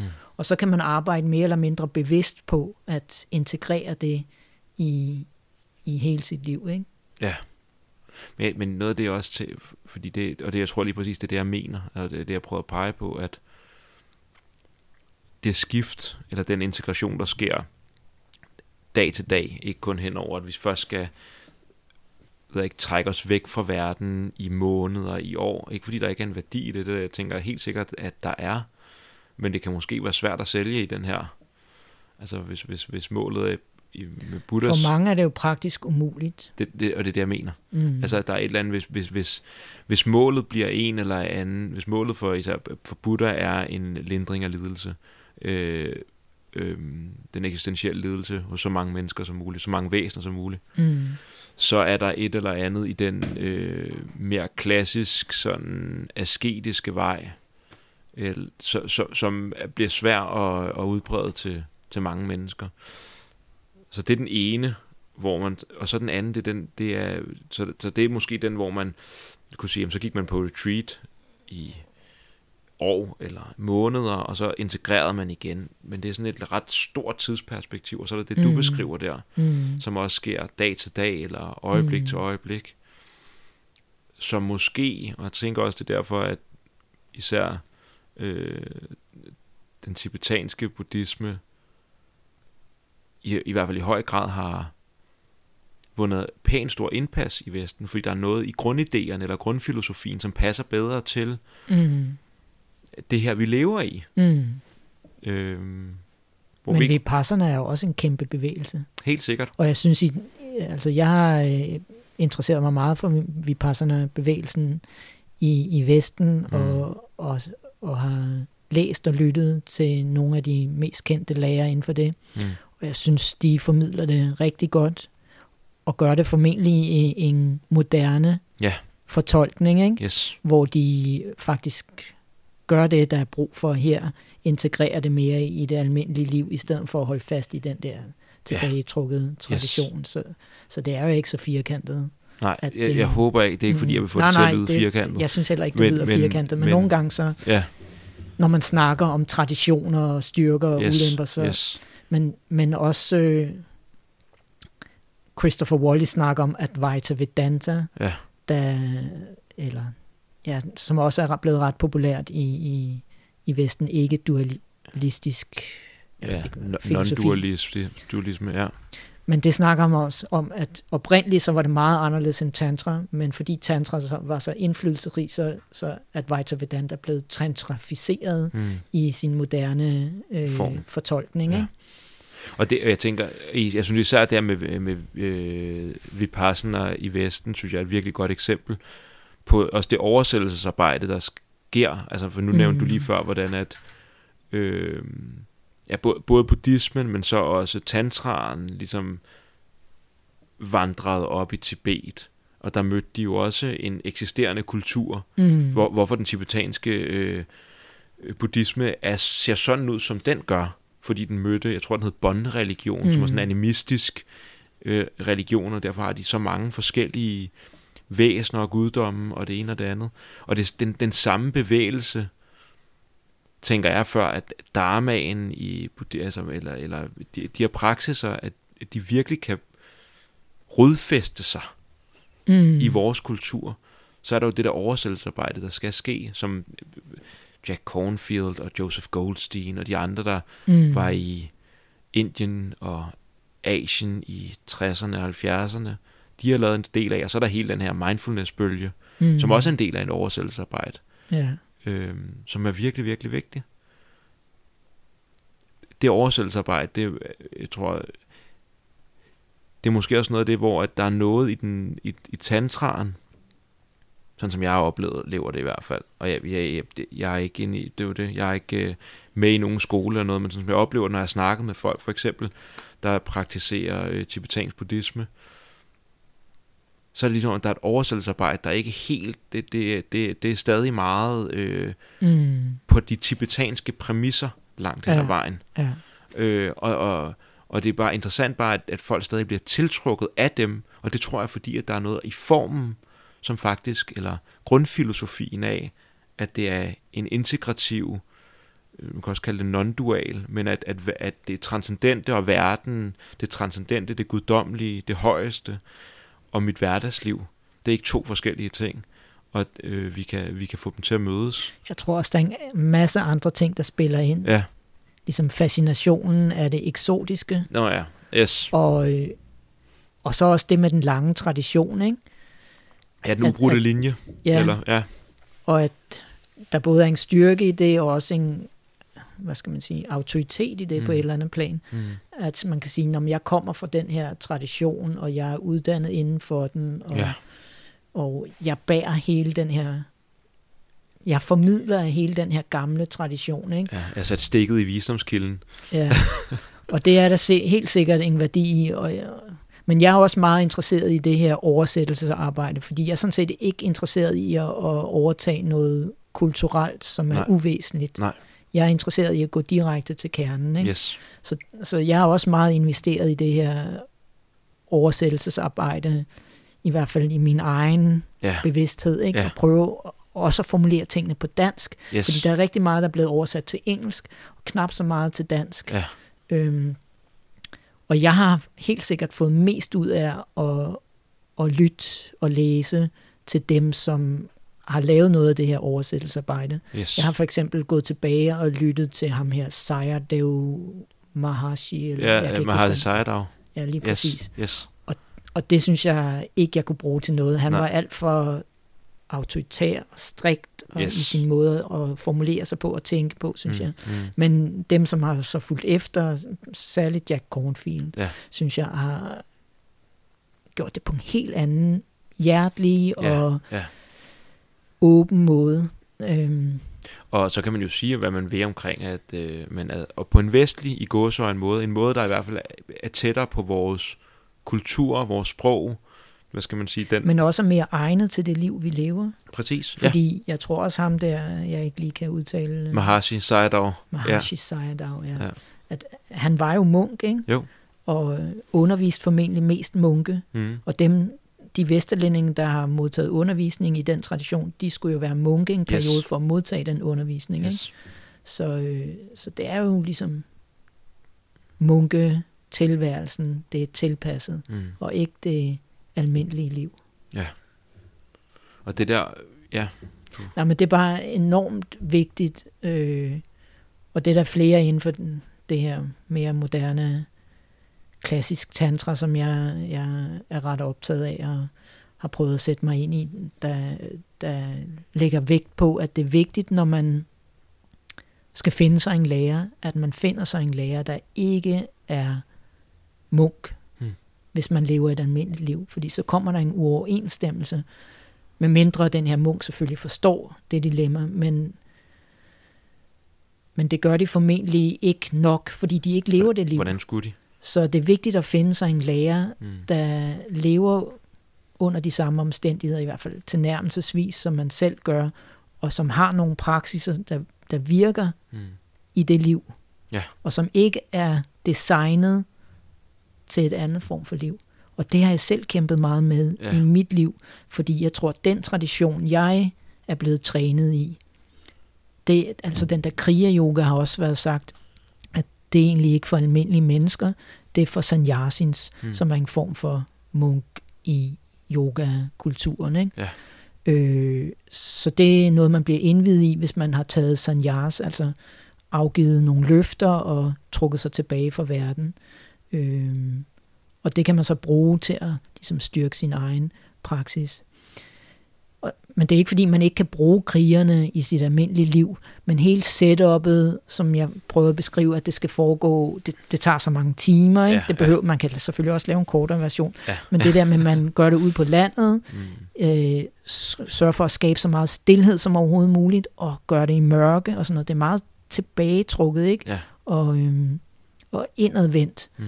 Og, øh, og da jeg kom ud og flyttede sammen med min kæreste og boede her i København, så forsøgte jeg at genskabe Mm. det i et rum i min lejlighed. Ikke? Ja. Men der var trafik udenfor, jeg kunne ikke mørklægge helt, og jeg kunne ikke sætte så meget tid af til det, og når jeg kom ud af yogarummet, så, så skete der nogle andre ting, jeg, jeg, andre ting, jeg skulle forholde mig til, Ja, ja, da jeg var der- op i H. Ikke? Ja, der var København lige pludselig. Ja, ja, Yes. og alle mulige praktiske ting, Ja. som økonomi ja. og øh, alt muligt. Parforhold. Og, Ja, ja. ja, yes. Ikke mindst. Ikke mindst. øhm, og det kæmpede jeg sådan set med i, i ret lang tid. mm. Øhm, og det var bare ikke en harmonisk måde at praktisere på, som Altså selvfølgelig fungerede det på et eller andet plan, men der var et eller andet, der skurede, ikke? Ja. som jeg havde brug for at finde en løsning på. Ja. Øhm, og på den måde har, har min praksis også udviklet sig over årene. Ikke? Ja. Jeg har fået mere og mere forståelse for, hvad det er, der skal til. Jeg, jeg synes stadigvæk, det er godt med tilbagetrækning, og Yes. jeg vil helt klart anbefale folk, at har du mulighed for at tage på retreat, jamen hold dig ikke tilbage, hvis du har lyst til det. Mm. Men det er ikke nødvendigvis nødvendigt for at nå frem til det, du gerne vil. Men det kan være noget, der understøtter det. Ja. Men den daglige praksis, den formelle praksis, er rigtig vigtig, men også den praksis, der foregår i det levede liv. Kan du sætte nogle ord på det? Praksisen der. Eller det, det jeg faktisk bliver nysgerrig på, det er, at det, så det lyder som, at du har jo, nu snakker vi om oversættelsesarbejde, og så bliver det på den lidt store klinge med alle de her traditioner, der kommer ind til Vesten. Men du, jeg tænker, du er et eksempel på en, der har prøvet at lave et oversættelsesarbejde i dit eget liv. Ja, Jo. virkelig. Kan du, øh, ja, hvad, hvad, hvordan er oversættelsen gået, og hvad, hvad, hvad står der i, hvad, hvad, hvad, er du, hvad er du kommet frem til indtil nu? Jamen, det er et meget broet billede, vil jeg sige. Ja, Og det er ikke, fordi jeg kan distillere det ned til nogle Nej, få nej. sætninger, eller hvad vi kan nå i den her samtale. Det, det er vildt, vildt kompliceret. Jeg tror også faktisk, det er min egen nysgerrighed, fordi det er jo også, altså nu har jeg godt nok ikke øh, trænet og skolet i alt muligt en tradition, eller jo, der, er- jeg er faktisk hos Uffe Damborg, hvor jeg går på retreat, det er også i linjen af blandt andet med Hasse Sejdor, så der, der er en eller anden form for noget der, men han, Uffe, synes jo, han kan også rigtig godt lide at sige til folk, jamen kan I tage afsted tre måneder, et halvt år, et år, så gør det, det er en god ting, Mm. mm. og, og det er jo fint at sige, men ja, eller sid, Hvis det bliver et ideal, man skal prøve at leve op til, eller man tænker, nej, men det er den, det er den rigtige måde at gøre det på, så, øh, så Så- går man galt i byen, vil jeg Yes, sige. ja. Og det, og det det er ikke sådan, jeg hører ham overhovedet. Men det, mm. som jeg bare prøver at sige, tror jeg, det er, selv der, der han kommer med nogle instruktioner og, og sådan, og det er fint. Men så er der spørgsmålet, og det tror jeg, der er for hver en af os. Hvad så med mig i mit liv? Mm. I min lejlighed, eller på min gård, med min kæreste, eller med min mand, eller hvad, hvad, det kan være med Mm. min økonomi. Hvordan ser det ud hos mig? Så jeg tror mm. også Mm. bare, jeg bliver lidt nysgerrig på, hvordan det ser ud hos dig, fordi jeg tror, at det, der er noget i, i den spejling. Jeg tror, det, der er noget i, at, at, at som øh, moderne mennesker, eller som mennesker generelt, at spejle sig i hinandens måder og sådan løsninger til at få det her til at blive en integreret del af ens liv. Mm. Hvordan det så end må se ud. Ja, og den der integration er noget, som jeg har tænkt rigtig meget over. Ja. Og fordi dels er der jo en, altså der er flere måder, man kan snakke om den der integration på, ikke? En måde er at tænke, okay, når jeg sætter mig ned og mediterer, så forsøger jeg at transcendere, ikke? Mm. Øh, måske ikke som det, man gør med viljen, Nej. men det er en proces, man går ind i ved at lave forskellige metoder, så falder tingene til ro. Øh, I hvert fald så meget, at man kan få kontakt med den her mere transcendente dimension. Mm. Øhm, og så er målet jo blandt andet at, at have den med ud. Altså den der, det er svært, Ja, det der med, hvad man skal kalde det, ikke? Jo, for Øh, Især på Fordi dansk. det kan så let misforstås, mm. hvad det er, man snakker om. Men øh, det absolute, ej, det bliver for ophøjet på ja. en eller anden måde at kalde det sådan nogle ting. Ikke? Ja, nærvær. Men så lad os kalde det, jeg går ind i mit eget inderste væsen. Ikke? Yes, yes. Og det er jo, kan jo godt beskrives med det absolute, eller ja. Noget transcendent, eller noget ophøjet på mm. Et eller andet plan. Ikke? For, fordi det er ikke noget personligt, jeg går ind i, det er Nej. noget upersonligt, noget, der gælder for os alle sammen. Yes. Og, og der er nogle kvaliteter ved det, som blandt andet er, vil jeg sige, det er fred, Mm. det er, ja, i tibetansk buddhisme kalder man det jo medfølelse, ikke? Ja. men det er kærlighed, det Ja. er Kan jeg bedre lide kærlighed, faktisk. velvilje, det er Ja. harmoni. Ja. Det, det er i hvert fald det, jeg oplever, når jeg kom, kommer ligesom dybt ind i mit eget inderste væsen. Ikke? Men så integration er at prøve at integrere de kvaliteter i det levede liv. Ikke? Ja. Så hvis man kommer ud og øh, hisser sig op og skælder ud, og, og, og det kan man sagtens komme til jo, Mm. øh, fordi der bliver også vækket en masse energi, som man måske ikke helt kan styre, i hvert fald når man laver nogle former for øh, meditation. Ja. Øh, så derfor kan det også være en god idé at arbejde på nogle andre planer, øh, blandt andet mere terapeutisk, Mm. men også være bevidst om, hvad er det for et sprog, jeg bruger, Mm. hvad er det, jeg siger, fordi vi er jo præget af, eller kodet med en vis form for sprog, det danske sprog, lad os bare sige det, ikke? Øh, nu vi er i Danmark og taler dansk. Og det er jo ikke bare ord. Ord medfører betydning Mm. og et livssyn Mm. og en måde at være sammen på. Og hvis man bruger det sprog, man har lært, så hænger man fast i nogle af de der ting. Mm. Øh, de der, hvad skal man sige, øh, mønstre Ja. og måder at anskue alting på. Ja. Så, og det er også en del af tantra-traditionen at, at arbejde med de her overbevisninger med sproget. Mm. Øhm, men jeg har også brugt nogle andre, øh, hvad skal man sige, systemer. Jeg har blandt andet interesseret mig ret meget fra øh, det, man kalder girafsprog, eller ikke voldelig kommunikation. Ja, Er det helt ubekendt for dig? fuldstændig. Jeg har aldrig hørt om girafsprog før. Nå, okay. Ja. Marshall Rosenberg, det er en amerikaner, som har udviklet det. Blandt andet inspireret af buddhismen. Ja. Og ifølge Harry, så var han så øh, ret vågen, Mm. hvis vi skal snakke om det. Ja. Nå, men han har udviklet en, et kommunikationssystem, som er meget enkelt i sin struktur. Der er noget med fire, øh, fire ligesom områder, man kan være opmærksom på. Øh, blandt andet det første, som handler om, at øh, man skal lære at observere det, der sker. Mm. For eksempel, øh,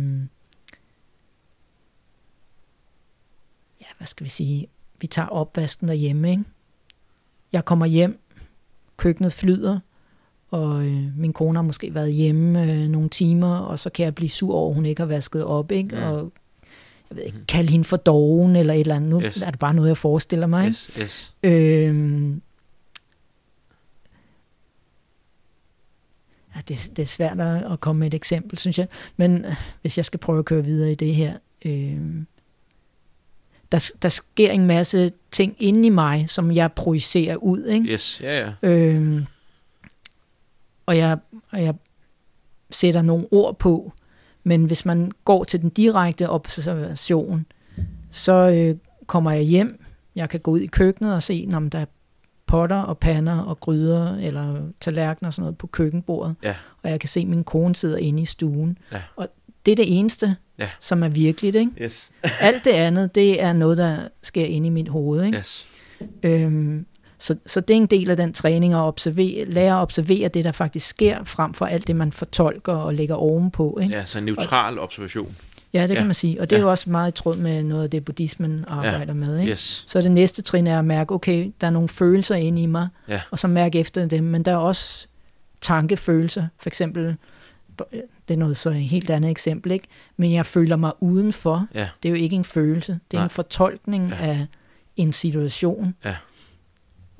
Måske relateret til en følelse af kedelighed, eller Ja. sorg, eller Yes. frustration, eller vrede, eller Mm. hvad det nu er. Mm. Øhm, så der skal man også lære at skelne. Ikke? Ja. Men de her følelser øhm, er stimuleret af noget, der er mere underliggende, og det er behov. Mm. Så når man, vi har alle sammen nogle behov, og de, de minder meget om hinanden, i hvert fald når man når, Langt ligesom når helt ned til det, Yes. man rigtig kalder behov, Mm. så er de meget ens for os. Det kan selvfølgelig være forskelligt, hvad man synes er vigtigst. Ja. Øhm, Tryk, kærlighed, sult, tag over hovedet, er det sådan noget, vi snakker? Behov. jamen, det kan også være behov for autonomi, Ja, ja. behov for Yes. fejring, Yes, behov for fællesskab. Ja. Det kan være alt muligt. yes. Øhm, men når de her behov ikke bliver dækket, så opstår der, ja, de, øh, han vil ikke engang kalde det sådan negative følelser, men det vi normalt betragter som negative følelser, vrede, sorg, Mm. Mm. irritation. Og når vi får dækket vores behov, så opstår der i gåsøjne positive følelser, glæde, øh, fred, Mm. eller Mm. øhm, som det her, den her måde at tænke på er meget behovs orienteret. Ja. Fordi det gælder om at komme derned. Og så når man er blevet bevidst om sine behov, så kan man komme med anmodninger, Mm. ikke krav. Mm. Men det er meget vigtigt, at Yes. man, man kommer med ønsker til andre mennesker om, hvordan, hvad de kan gøre for at opfylde ens egne behov. Yes. Ikke kræve det, men at anmode eller bede om. Ja. Mm. Og det høres ofte som krav, men Mm. så må man prøve at gøre det klart, at det ikke er et krav. Ja. Ja. Og også gøre det klart med sig selv, at det ikke er et krav, fordi... Nå, det er nok vigtigt sted at starte. Mm. Man kan sagtens komme med noget, der lyder som, eller som, som i ordene lyder som en anmodning, men vil du ikke godt tage opvasken?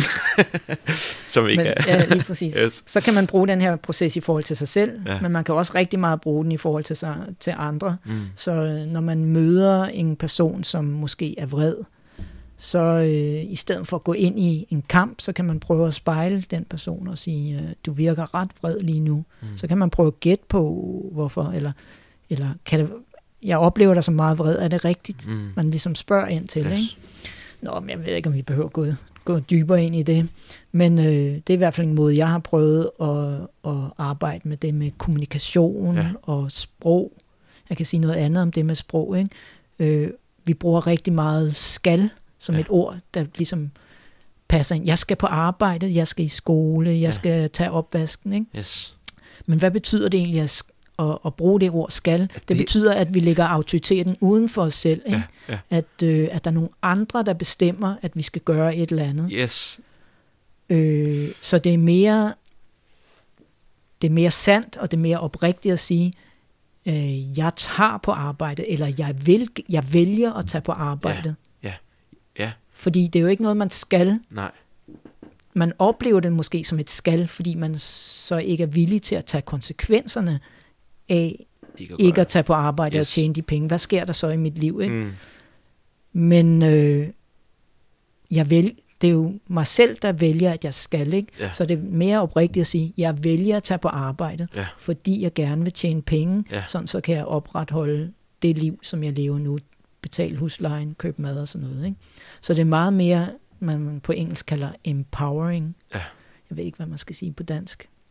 Styrkende, eller... Øh, Jeg ved ikke, det første dukkede op, det er ikke det, men det er fri- frisættende. For Ja. Der er også noget med at blive, altså, man, i, i, jeg har tænkt, det er meget fedt, du bringer det op. Jeg har tænkt meget på skal på det seneste. Mm, Hvad er det med det ord? Men det, for mig, der føles det som en øh, noget... Øh, det føles som om, der er noget, der er nedtrykkende, noget, der bliver, der bliver lagt ned over hovedet på mig. ja, lige præcis. Og, og det er lige det, du beskriver.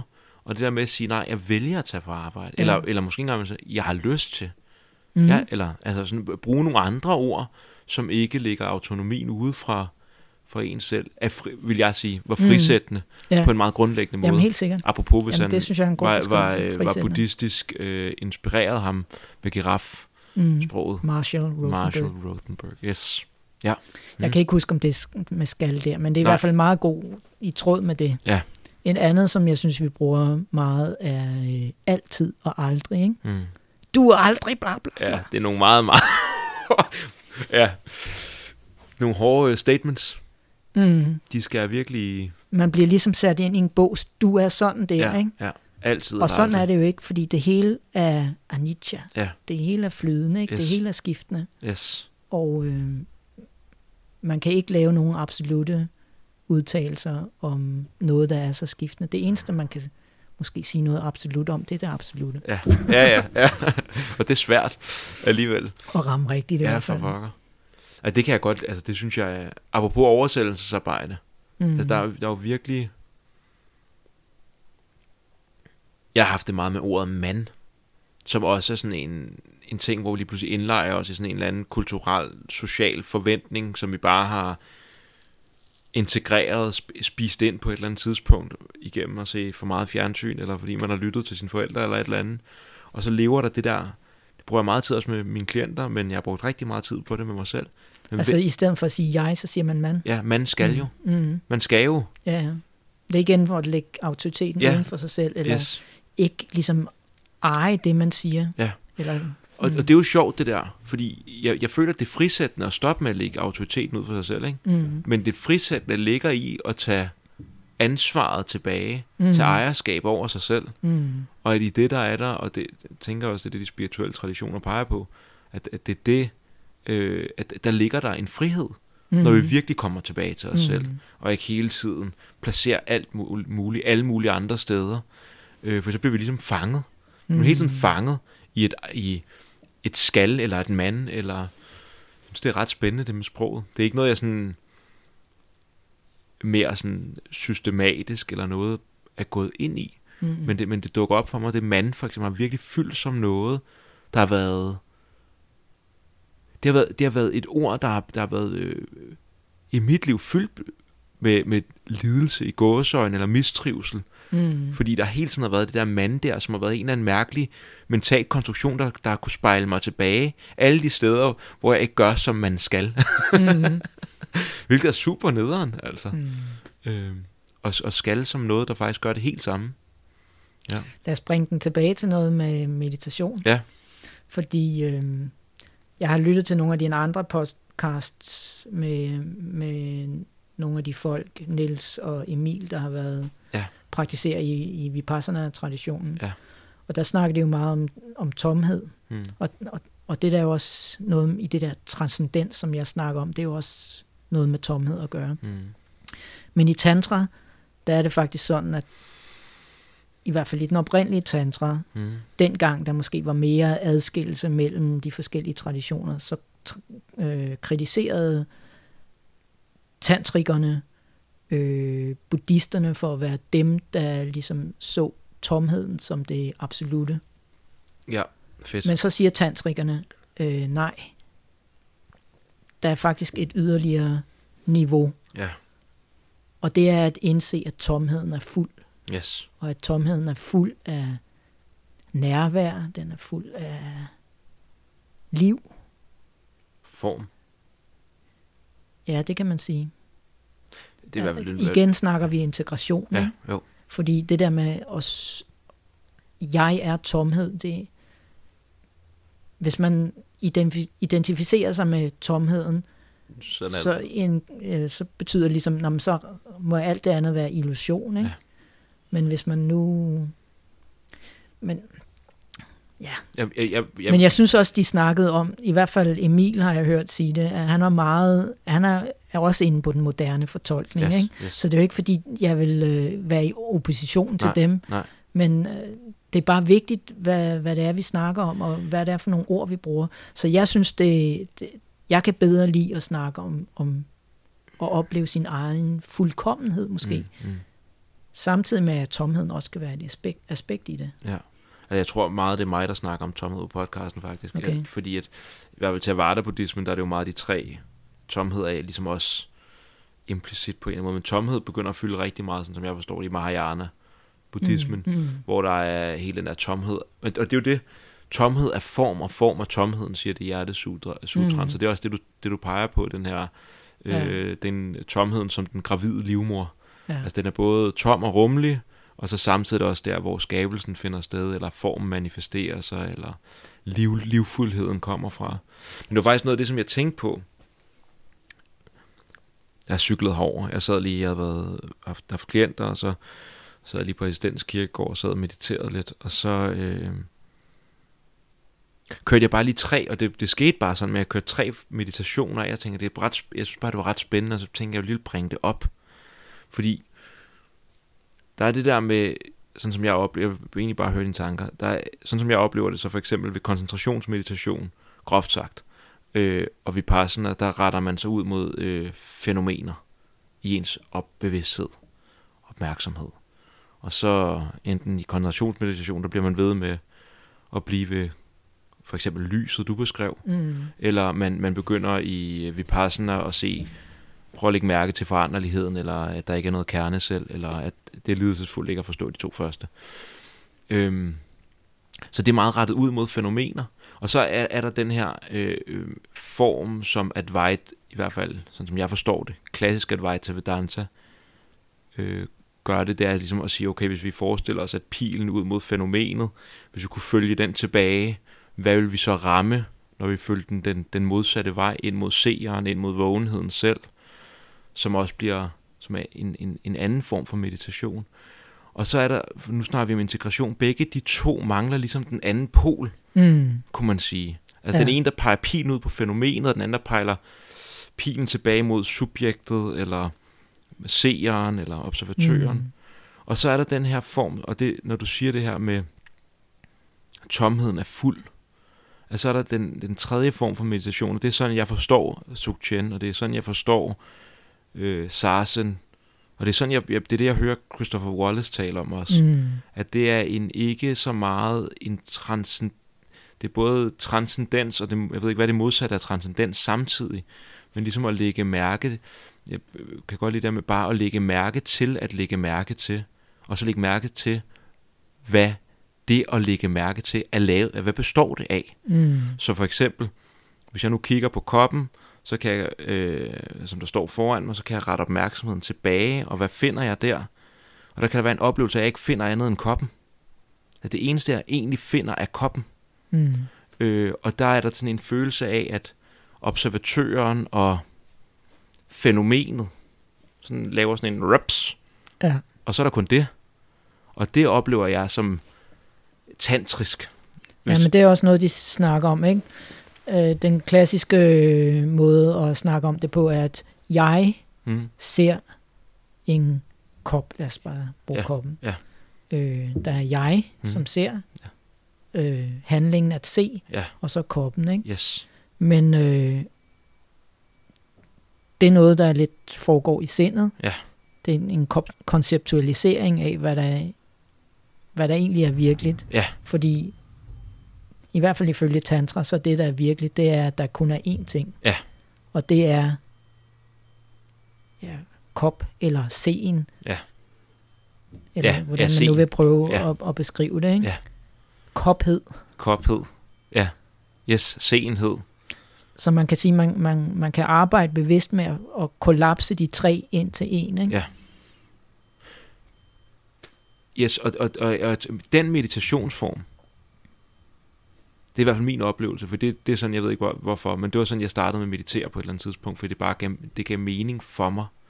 Den meditationsform oplever, når jeg, laver, når jeg praktiserer det i min daglige praksis, så oplever jeg, hvordan at jeg øh, i højere og højere grad kan tage det med ud.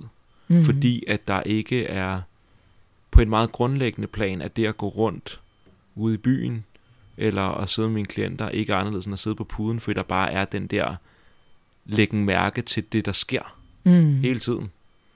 Øh, hvor at, at der er noget over de andre praksiser, som for mig, det er det mit, mit perspektiv, sådan som jeg har det, at der er et eller andet, der bliver sådan meget øh, metodisk, og der er noget, der er Mm. dejligt frit i Mm. den her kollapsen ind i, hvad det ba- bare læg mærke til, hvad der sker. Mm. Det lyder næsten dumt simpelt. Men der er jo samtidig også det konceptuelle sind, mm. som spytter koncepter og tanker. yes. ud. Men det er Og- bare nye kopper. Ja, og det er ikke Eller- noget problem. Nej. Øh, For mig er det meget vigtigt at have kontakt med den, øh, den sanslige oplevelse af lethed, Ja. kan jeg godt lide at kalde det. Yes. At der er sådan en, og man kan godt kalde det tomhed, Mm. måske. Øh, det vil jeg lige sige nu, fordi det er faktisk det samme sanskrit-ord, de bruger i buddhismen og i, i tantra, shunya. Ja. Men mm. øhm, Nå, okay. hvis man nu i stedet for at kalde shunya, eller shunyata, for tomhed, så kalder det åbenhed, Ja. eller rummelighed, Yes. så har det også en anden fornemmelse og konsekvens måske. Øh, og det, det, jeg bare fornemmer lige så snart du siger det, det er jo også i, altså i buddhismen, hvis man virkelig, som det bliver talt om, så hvis, hvis, hvis tomhed virkelig bliver realiseret, og bliver en, øh, er noget, som der opleves her og nu, så en, en hvad, hvad skulle jeg sige, den anden side af det, er compassion, er medfølelse, Mm. af kærlighed. Og når du siger rummelighed og åbenhed, så er det som om, at der er mere af den kvalitet, der allerede ligger i det ord. Mm. For i tomhed kan, og jeg tror især måske også, det er en vestlig ting, men tomhed lyder, det er der, hvor det hurtigt kan gå hen og blive meget nihilistisk lydende, at så er der Mm, heller ikke noget, der er rart, eller øh, mm. smukt, eller, og, og, og, og det er lidt den fornemmelse, jeg kan få lidt, når jeg hører til, lytter til nogen gang, nogle udlægninger, udlægninger af Advaita, der er det eneste, der er godt, smukt, kærligt, det er seeren, den evige Mm. mm. seer, Atman, eller hvad vi skal Mm. men, men den der komme tilbage ind i formen, Mm. vi skal bruge det ord, eller vores relationer, eller livfuldheden. Det skridt, tror jeg, i hvert fald for mig, og sådan, det er også stort at sige, men et eller andet for Vesten, eller, eller øh, de problemer, vi står overfor, der er det vigtigt. Det er et vigtigt skridt tilbage, at kunne møde fra det der åbne, frie, lette mm. sted, og så kunne møde vores relationer, vores øh, arbejde, øh, blomsten, hvad det nu kan være, det Mm. sted fra. For det bringer et eller andet ind. Altså, vi, vi er jo også på et eller andet plan bundet af den kultur, og også det, det miljø, vi bor i, også sådan rent biologisk set. Ikke? Mm. Altså, hvis temperaturen stiger 5 grader, så har det praktiske konsekvenser for Det er det. vores liv. Ikke? Det det. Så derfor er det jo vigtigt at, at tage den fysiske virkelighed Seriøst. alvorligt, Yes, altså, det det. og, øh, og passe på det, vi har. Mm. Værne om, om, om de kvaliteter eller de værdier, som vi, øh, vi gerne vil se mere af i verden. Og, og der tror jeg bare, og det, og det er også, øh, hvis det snart, jeg ved ikke, om vi snakker om det, mens vi er i gang her, men noget af det, som jeg måske har det lidt ærgerligt over, ved sådan de her MBI'er, mindfulness-baserede interventioner, det er det, det virker, målet er, for eksempel i MBSR, målet er stressreduktion, og det er jo godt, altså det er jo ikke fordi, det ikke er Mm. godt, det er jo fantastisk.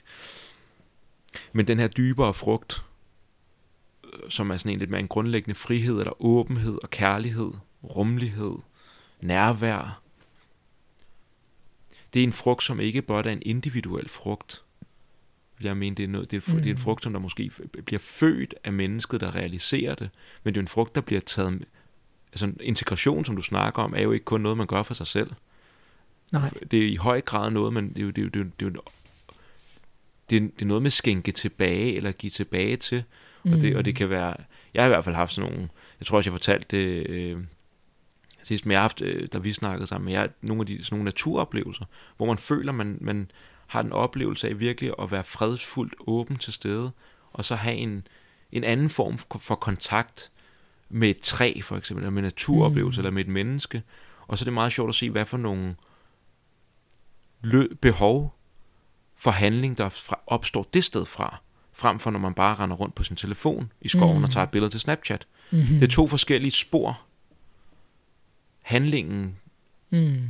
to forskellige handlingsspor, der udspringer de steder fra. Det ene, det udspringer fra sådan et åbent, kærligt, nærværende, øh, også omfavnende. Det er også noget af det der med, at man altid skal droppe sin oplevelse, eller give slip. Jeg synes fandme også, det handler om at omfavne sin oplevelse. Mm. Sådan virkelig omfavne den. At det sted, der kommer der en anden handling fra, medfølende handling, end hvis man ikke er det, hvis man er blokeret af, eller ikke kan tage mm. den Mm. ind, ikke er åben. Så der er et eller andet i, øh, i det der måden, man bevæger sig ud i verden på, som meditationspraksis kan hjælpe med, som også er en, mm, en social praksis. Mm. Jeg hæftede mig ved det der, du sagde, øh, giv slip, Mm. eller let it go, som, som jeg ser meget på Instagram og sådan Ja, noget. ja. Øhm, og det reagerer jeg altid lidt på, fordi det er jo en, en form for afstandstagen til det, eller skubben væk. Jeg, jeg giver slip på det her. Ikke? Yes. Det kan lyde meget spirituelt, bare give slip på det. Ja. Men jeg synes, en bedre øh, tilgang er omfavne, Lige og lære at elske det, som, øh, som er. Og når, du, når, når vi snakker om det, her, så kan jeg mærke, det sted, hvor at, at det begynder, hvor der begynder at være liv i min krop, Mm. det bliver, altså det bliver hjerte- og brystområdet. Mm. At det er den der lysten til at omfavne, også selvom det er en slem oplevelse. Det kan godt være, at det er noget ubehageligt, mm. men selv der, at der er et eller andet med at, at, at tage noget ind. Ikke på sådan et eller andet, det er ikke, mit, det er ikke Alex, der skal tage det ind, men oplevelsen, lad oplevelsen tage det fuldstændig ind. Smag Mm. på det. Øhm. Ja, ja den, den, den, har også, den, den støder også, den, den, den rammer et eller andet i mig, den der med at give slip. Mm. Øh, og der er jo nogen, der beskriver det som mere som, at hvis vi nu forestiller sig, at man havde en fjer liggende i hånden, så handler det ikke om, den skal smides væk, den er bare med åbne hånden, og så må fjeren selv bestemme, Mm. om den vil lette, eller om den vil blive i hånden. Mm. Og det kan jeg bedre lide. Men, men den modsatte del af... Ja, det er et rigtig fint billede det med den åbne hånd. ja, den er god. Mm. Og så samtidig så er der... Øh, og, men, men den modsatte side af det, føler jeg stadig er en omfavnelse. Det er også at lade den ligge der. Hvis den har lyst, så må du blive lige her. Mm. Der må du gerne være. Øhm. Og jeg fornemmer også, at der er et eller andet i given slip-metaforen, som nok kommer meget fra en Theravada buddhistisk vipassana-tradition, hvor der er et eller andet med, at, at observatøren og objektet er lidt fænomenet, verden, det vi betragter, at der er en eller anden adskillelse, og vi bare skal se det lidt Men jeg tror også, det er et øh, nødvendigt det tror jeg også. Skridt. Det er, ikke, det er ikke noget... Yes. Fordi hvis man, man, man kan nogle gange øh, snakke om, at man kan dele den ligesom meditative vej op i flere trin eller niveauer. Ikke? Ja, ja. Så det første er netop at skabe en eller anden afstand til ja. det, man er totalt involveret i, ja. og opdage, at jeg kan faktisk observere det her, uden at lade mig rive med af det, ja. uden at identificere mig med det. Ja. Og, og det er rigtig svært, ja. og det kræver træning, og det er derfor, det er så vigtigt med, med at sidde meditation ja. og øve sig på det. Ja.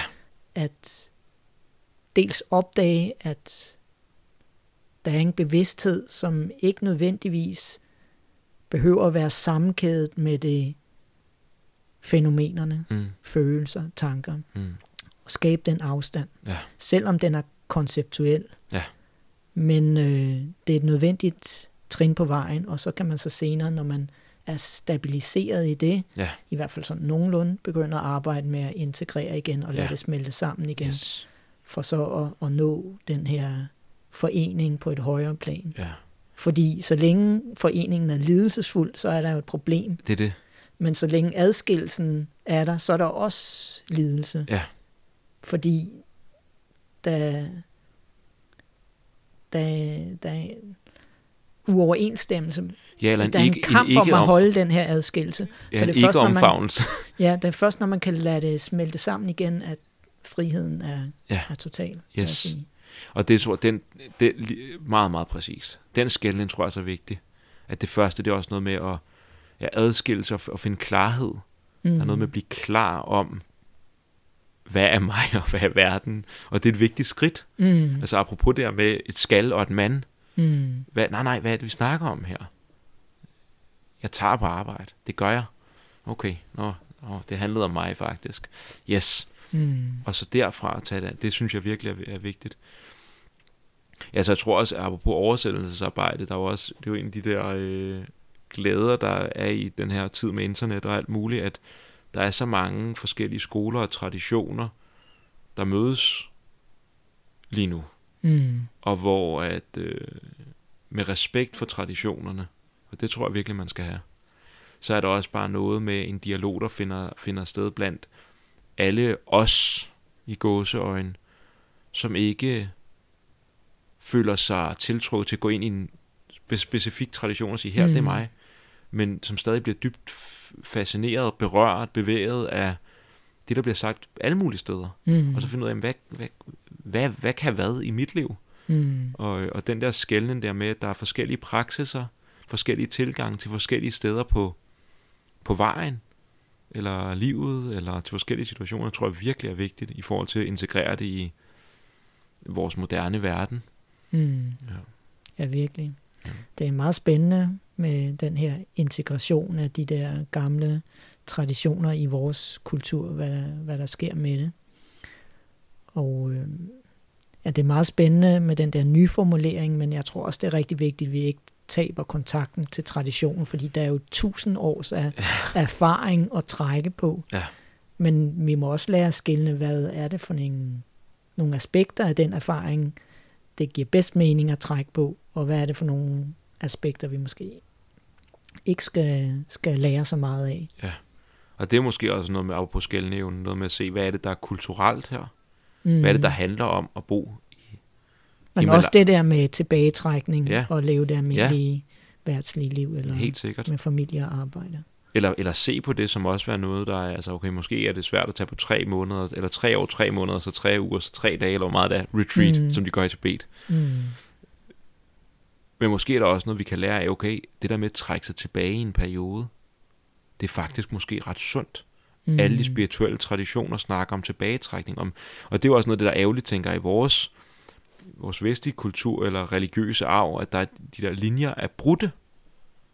de, de, de spirituelle, mystiske linjer. Mm. Men, men selv der, der fandt man, folk de tilbagetrak sig til ørkenen, eller hvad man nu har gjort. Jo, var det ikke bare nogle få mennesker? Jo, jo, jo Mm. helt sikkert. Jeg tror, er det ikke i Thailand, det er nærmest der sådan en værnepligt, hvor man skal tre måneder i kloster? Ja, det kan godt være-. Jeg, jeg ved, det er også noget, de gør en del i... Øh, jeg har i hvert fald hørt nogle podcast, og i Japan er der også mange i de fra lidt finere familier, hvor så bliver man lige munk et år, eller, eller nogle måneder, eller Mm. et år, eller et par år. Øh, simpelthen fordi det ser Men godt ud. selvfølgelig, der er ikke nogen, der skal tvinges ind i det Nej. heller, men jeg synes godt, man... Jeg tror, mange mennesker vil have rigtig godt af det. Og hvis vi kunne skabe et samfund, der kunne understøtte det, Ja. hvor, hvor fantastisk ville det ikke Det være? er helt vildt. Fordi nu kører vi bare virkelig hamsterhjulet, synes jeg. Jeg gør det selv, altså det der stress med at skulle tjene penge hele tiden, Yes. og øhm, være produktiv og Ja. skabe vækst. Og, Ja. Og, og, og, og jeg tror, når du siger det der med, at, øh, at der er noget i traditionerne, og det, jeg tror også, der er også noget, der er spændende i, for det har været for mig, at kigge tilbage mod de traditioner i Vesten, som vi har mistet mere eller mindre kontakt til. mm, At der er noget ved at kigge på den måde, praksis er indlejret i en kulturel kontekst og en økologi og mange forskellige praksiser, som du oplevede der på meditationsskolen. Der er noget vigtigt, der er nogle vigtige vitaminer der, som øh, skulle have blevet skrællet fra i MBSR og de her mere videnskabelige, mm, dokumenterede meditationsformer. Og de kan noget, men de mister sgu, hvad, hvad er værdien ved måske faktisk at trække sig på retreat en gang imellem? mm, Hvad med, hvad med sproget? Altså det der med faktisk at have et sprog, der taler til hjertet. Øh, der, der, der griber os, der gør, at vi får lyst. Det, æstetiske. Altså det æstetiske, synes jeg, er helt vildt vigtigt omkring meditation, eller praksis generelt. Har jeg, synes jeg, det er en smuk og skøn ting, som jeg har lyst til at gøre. Mm, Øh, ordet MBSR indbyder mig ikke til sådan virkelig at dedikere min sjæl til noget, eller så der er, sådan nogle, der er sådan nogle fine nuancer, som øh, ja, det, det, det, det er også vigtigt at få det med. Og det tror jeg ikke videnskaben kommer til at, at gøre. Det tror jeg private lægemennesker, der bare sådan, hvor er det dejligt at du ved ikke, have en Buddha, tænde en røgelsespind. Det er jo, der findes mange forskellige grader af det, mm. men øh, hvad det nu kan være. Ja. Men man kunne sagtens skabe sådan nogle programmer, som kunne blive videnskabeligt verificeret. Ja, s- helt Så- sikkert. Det, det er jo ikke udelukket ved at, Jeg skulle gad, jeg mene. der er nok noget med nogle... Ja, det ved jeg ikke. Det håber jeg, der er nogen, der... Altså, det gør- sker måske også på et eller andet tidspunkt. Jeg håber jo på mere vækkelse for at bruge et, øhm, et gammelt kristent ord øh, i vores samfund, mm. hvor Mm. vi får mere og mere fokus på de bløde værdier, hvis vil man kalde det, det ikke? Øh, velvære og Mm. trivsel, Hmm. og at det er det, der bliver vores fokus frem for materiel velstand. Og så, og, og så får jeg lyst til at sige, og derfra, fra det sted, at trivsel er for det lidt blødere, fra også det, vi snakker om rummelighed og åbenhed før, der må den materielle velstand stadig gerne væ- være der, men jeg tror bare, at vi begy- vi begynder at interagere helt anderledes med det, hvis Mm. stedet vi kom fra ikke var starte med materiel velstand, og så må trivsel komme derfra, men starte med trivsel, åbenhed, kærlighed, alle de der Men ting. vi har jo en misforstået opfattelse af, at, at trivsel kommer af materiel Ja. velstand. Det er noget af det første, man finder ud af. Det ja, når man mediterer, så finder man ud af, at det, der er noget galt der. Selvfølgelig skal der være en vis base, Yes. øh, men vi render jo rundt og stræber al, efter alt muligt, de fleste af os, som vi ikke egentlig har, har brug for. Øh, nice to have måske, men øh, jeg har i hvert fald prøvet i mit liv at, at, at skabe et andet fokus. Hmm. Øhm, ikke altid på en harmonisk måde, men øh, i hvert fald har jeg Prøvet. prøvet at også lykkes i mange år med at have tid til at, at meditere Hmm. de fleste dage, Hmm. og øh, have noget kreativitet i mit liv. Ja. Altså, jeg, jeg er utrolig heldig på mange planer, men øhm, ja, det har så også haft nogle konsekvenser på det økonomiske plan, ikke? Men øhm, Og det, det, og det er jo virkelig en svær... Hvad skal til at sige, det, er det, sådan oplever jeg også øh, mit liv. Men øh, det gør jo bare, at, så kan man også sige, at det er bare fordi du er en fattig røv, Alex. Øh, at der er tid til, men det, men det er jo sådan, det er jo virkelig en vægtning. Altså, for jeg kan mærke, hvis jeg ikke har tid, hvis jeg ikke havde tid til, for eksempel at sidde her med dig, og snakke, Mm. og undersøge noget, som der virkelig ligger mit hjerte nært, eller ikke havde tid til at lige at bruge den der, og det, og det har jeg, jeg har skide travlt, men min travlhed ligger også i, at jeg gerne vil, altså jeg, jeg, jeg, jeg, jeg, jeg, vil gerne meditere, Mm. og det vil jeg gerne gøre hver dag, og jeg vil gerne gøre det i go- godt stykke tid. Og det, det, det er bare, det vil jeg gerne. Mm. Og, øh, og så er der ikke tid til lige så meget af, af det, der måske ville kunne give noget mere det ved ikke, økonomisk Mm. sikkerhed og Men stabilitet. hvis man kigger rundt i samfundet, så er der så mange mennesker, der til synligheden har det dårligt. Uh, masser, der lider af stress og mm. angst. Og, og det er jo fordi, at i hvert fald delvist, at det hele går lidt for hurtigt. Ikke? Og der er lidt for mange krav og ikke nok omsorg. Mm. Øh, så jeg kunne godt tænke mig at sprede noget af den fred, jeg Ja. oplever Mm. fra meditation og tage, tage mig tiden til at, at mærke ind i den fred, Ja. der allerede er der. Ja. Fordi hvis man stresser for meget, nervesystemet er for meget op i omdrejninger, og man har for meget fokus på aktivitet og gøren, og jeg skal, og man skal, og Mm. alt det der, så er der ikke... Det handler om at skifte fokus jo. Ja. Og, og, og jeg vil gerne hjælpe folk med at, at prøve at få mere fokus til at skabe den, det rum, Ja. den rummelighed i Yes. deres egen liv, hvor de kan mærke ind i sig selv og mærke en form for stillhed, ro, Ja. fredfyldthed Ja. i dem selv. Og integrere det i deres aktive liv også. Ja. Fordi det er jo ikke, fordi vi skal holde op med at være aktive, som vi har snakket om mm. så meget her i dag, men at man skal kunne begge dele. Ja, måske kan man være aktiv et andet sted fra. Lige præcis. Og, øh, og noget af det, som der både også er med farten, vi oplever. Og de ord, når du siger skal, det er også der med, at vi bliver instrumentaliseret. Vi bliver selv gjort til ting. Mm. Så jeg skal, lige så snart jeg har sagt, jeg skal noget, så er en eller anden ting i en eller anden større plan. Og så er jeg ikke mere...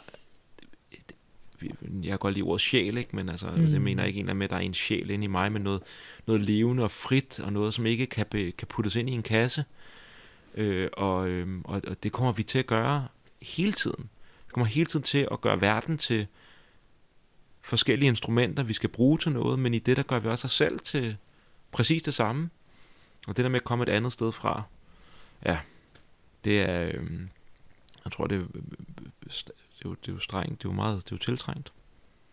Så, ja, jeg laver en lille øh, intro med, med hjemmeside og sådan noget hos dig. Okay, ja, Ja. Så folk kan kontakte, hvis man er interesseret i meditationstræning, undervisning. Ja. Ja. Ja, fordi jeg, jeg kan lige sige, jeg har jo fortsat med at undervise i, i det regi, hvor jeg er uddannet, Ja. øh, men hvor jeg så bare kommer ind og har mine klasser, og jeg er lidt involveret i nogle af de andre ting øh, også, men øh, for nylig så har jeg startet øh, ligesom mit eget Mm.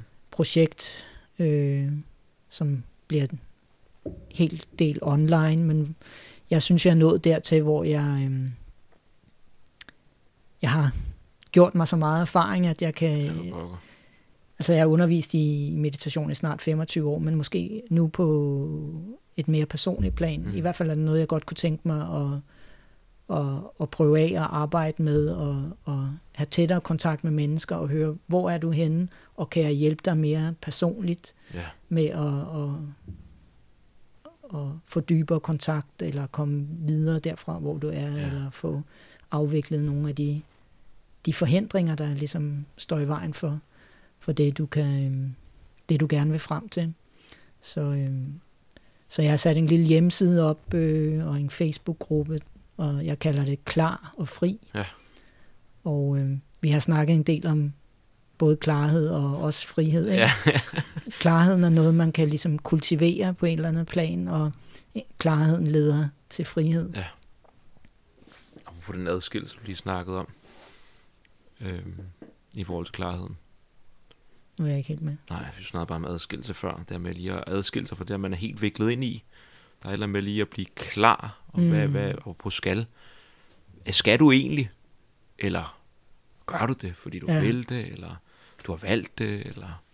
Jeg er Ja. klar på den måde, selvfølgelig, Ja. hvor man øh, ligesom, Skældner. det, det er sådan lidt konceptuelt, ikke? Det, er noget, det er noget, der foregår i tankerne, men man kan også blive klar på et lidt andet niveau, som ikke har med tanker og sindet yes, at gøre, yes. men hvor man, ja, var det Niels, der var inde på det, klar syn, Ja. men det kan vi ikke sige, Nej. men at se klart, ikke? som også er, øh, hvis det vipassana egentlig betyder, ikke? Mm. Så på den måde er de også inde på meget af det samme. Ikke? Man kan se, for eksempel, øh, når man sidder i meditation og mærker kroppen, så tror jeg i hvert fald, det er meget almindeligt, at man også har et billede ja. af Ja, kroppen samtidig. Ikke?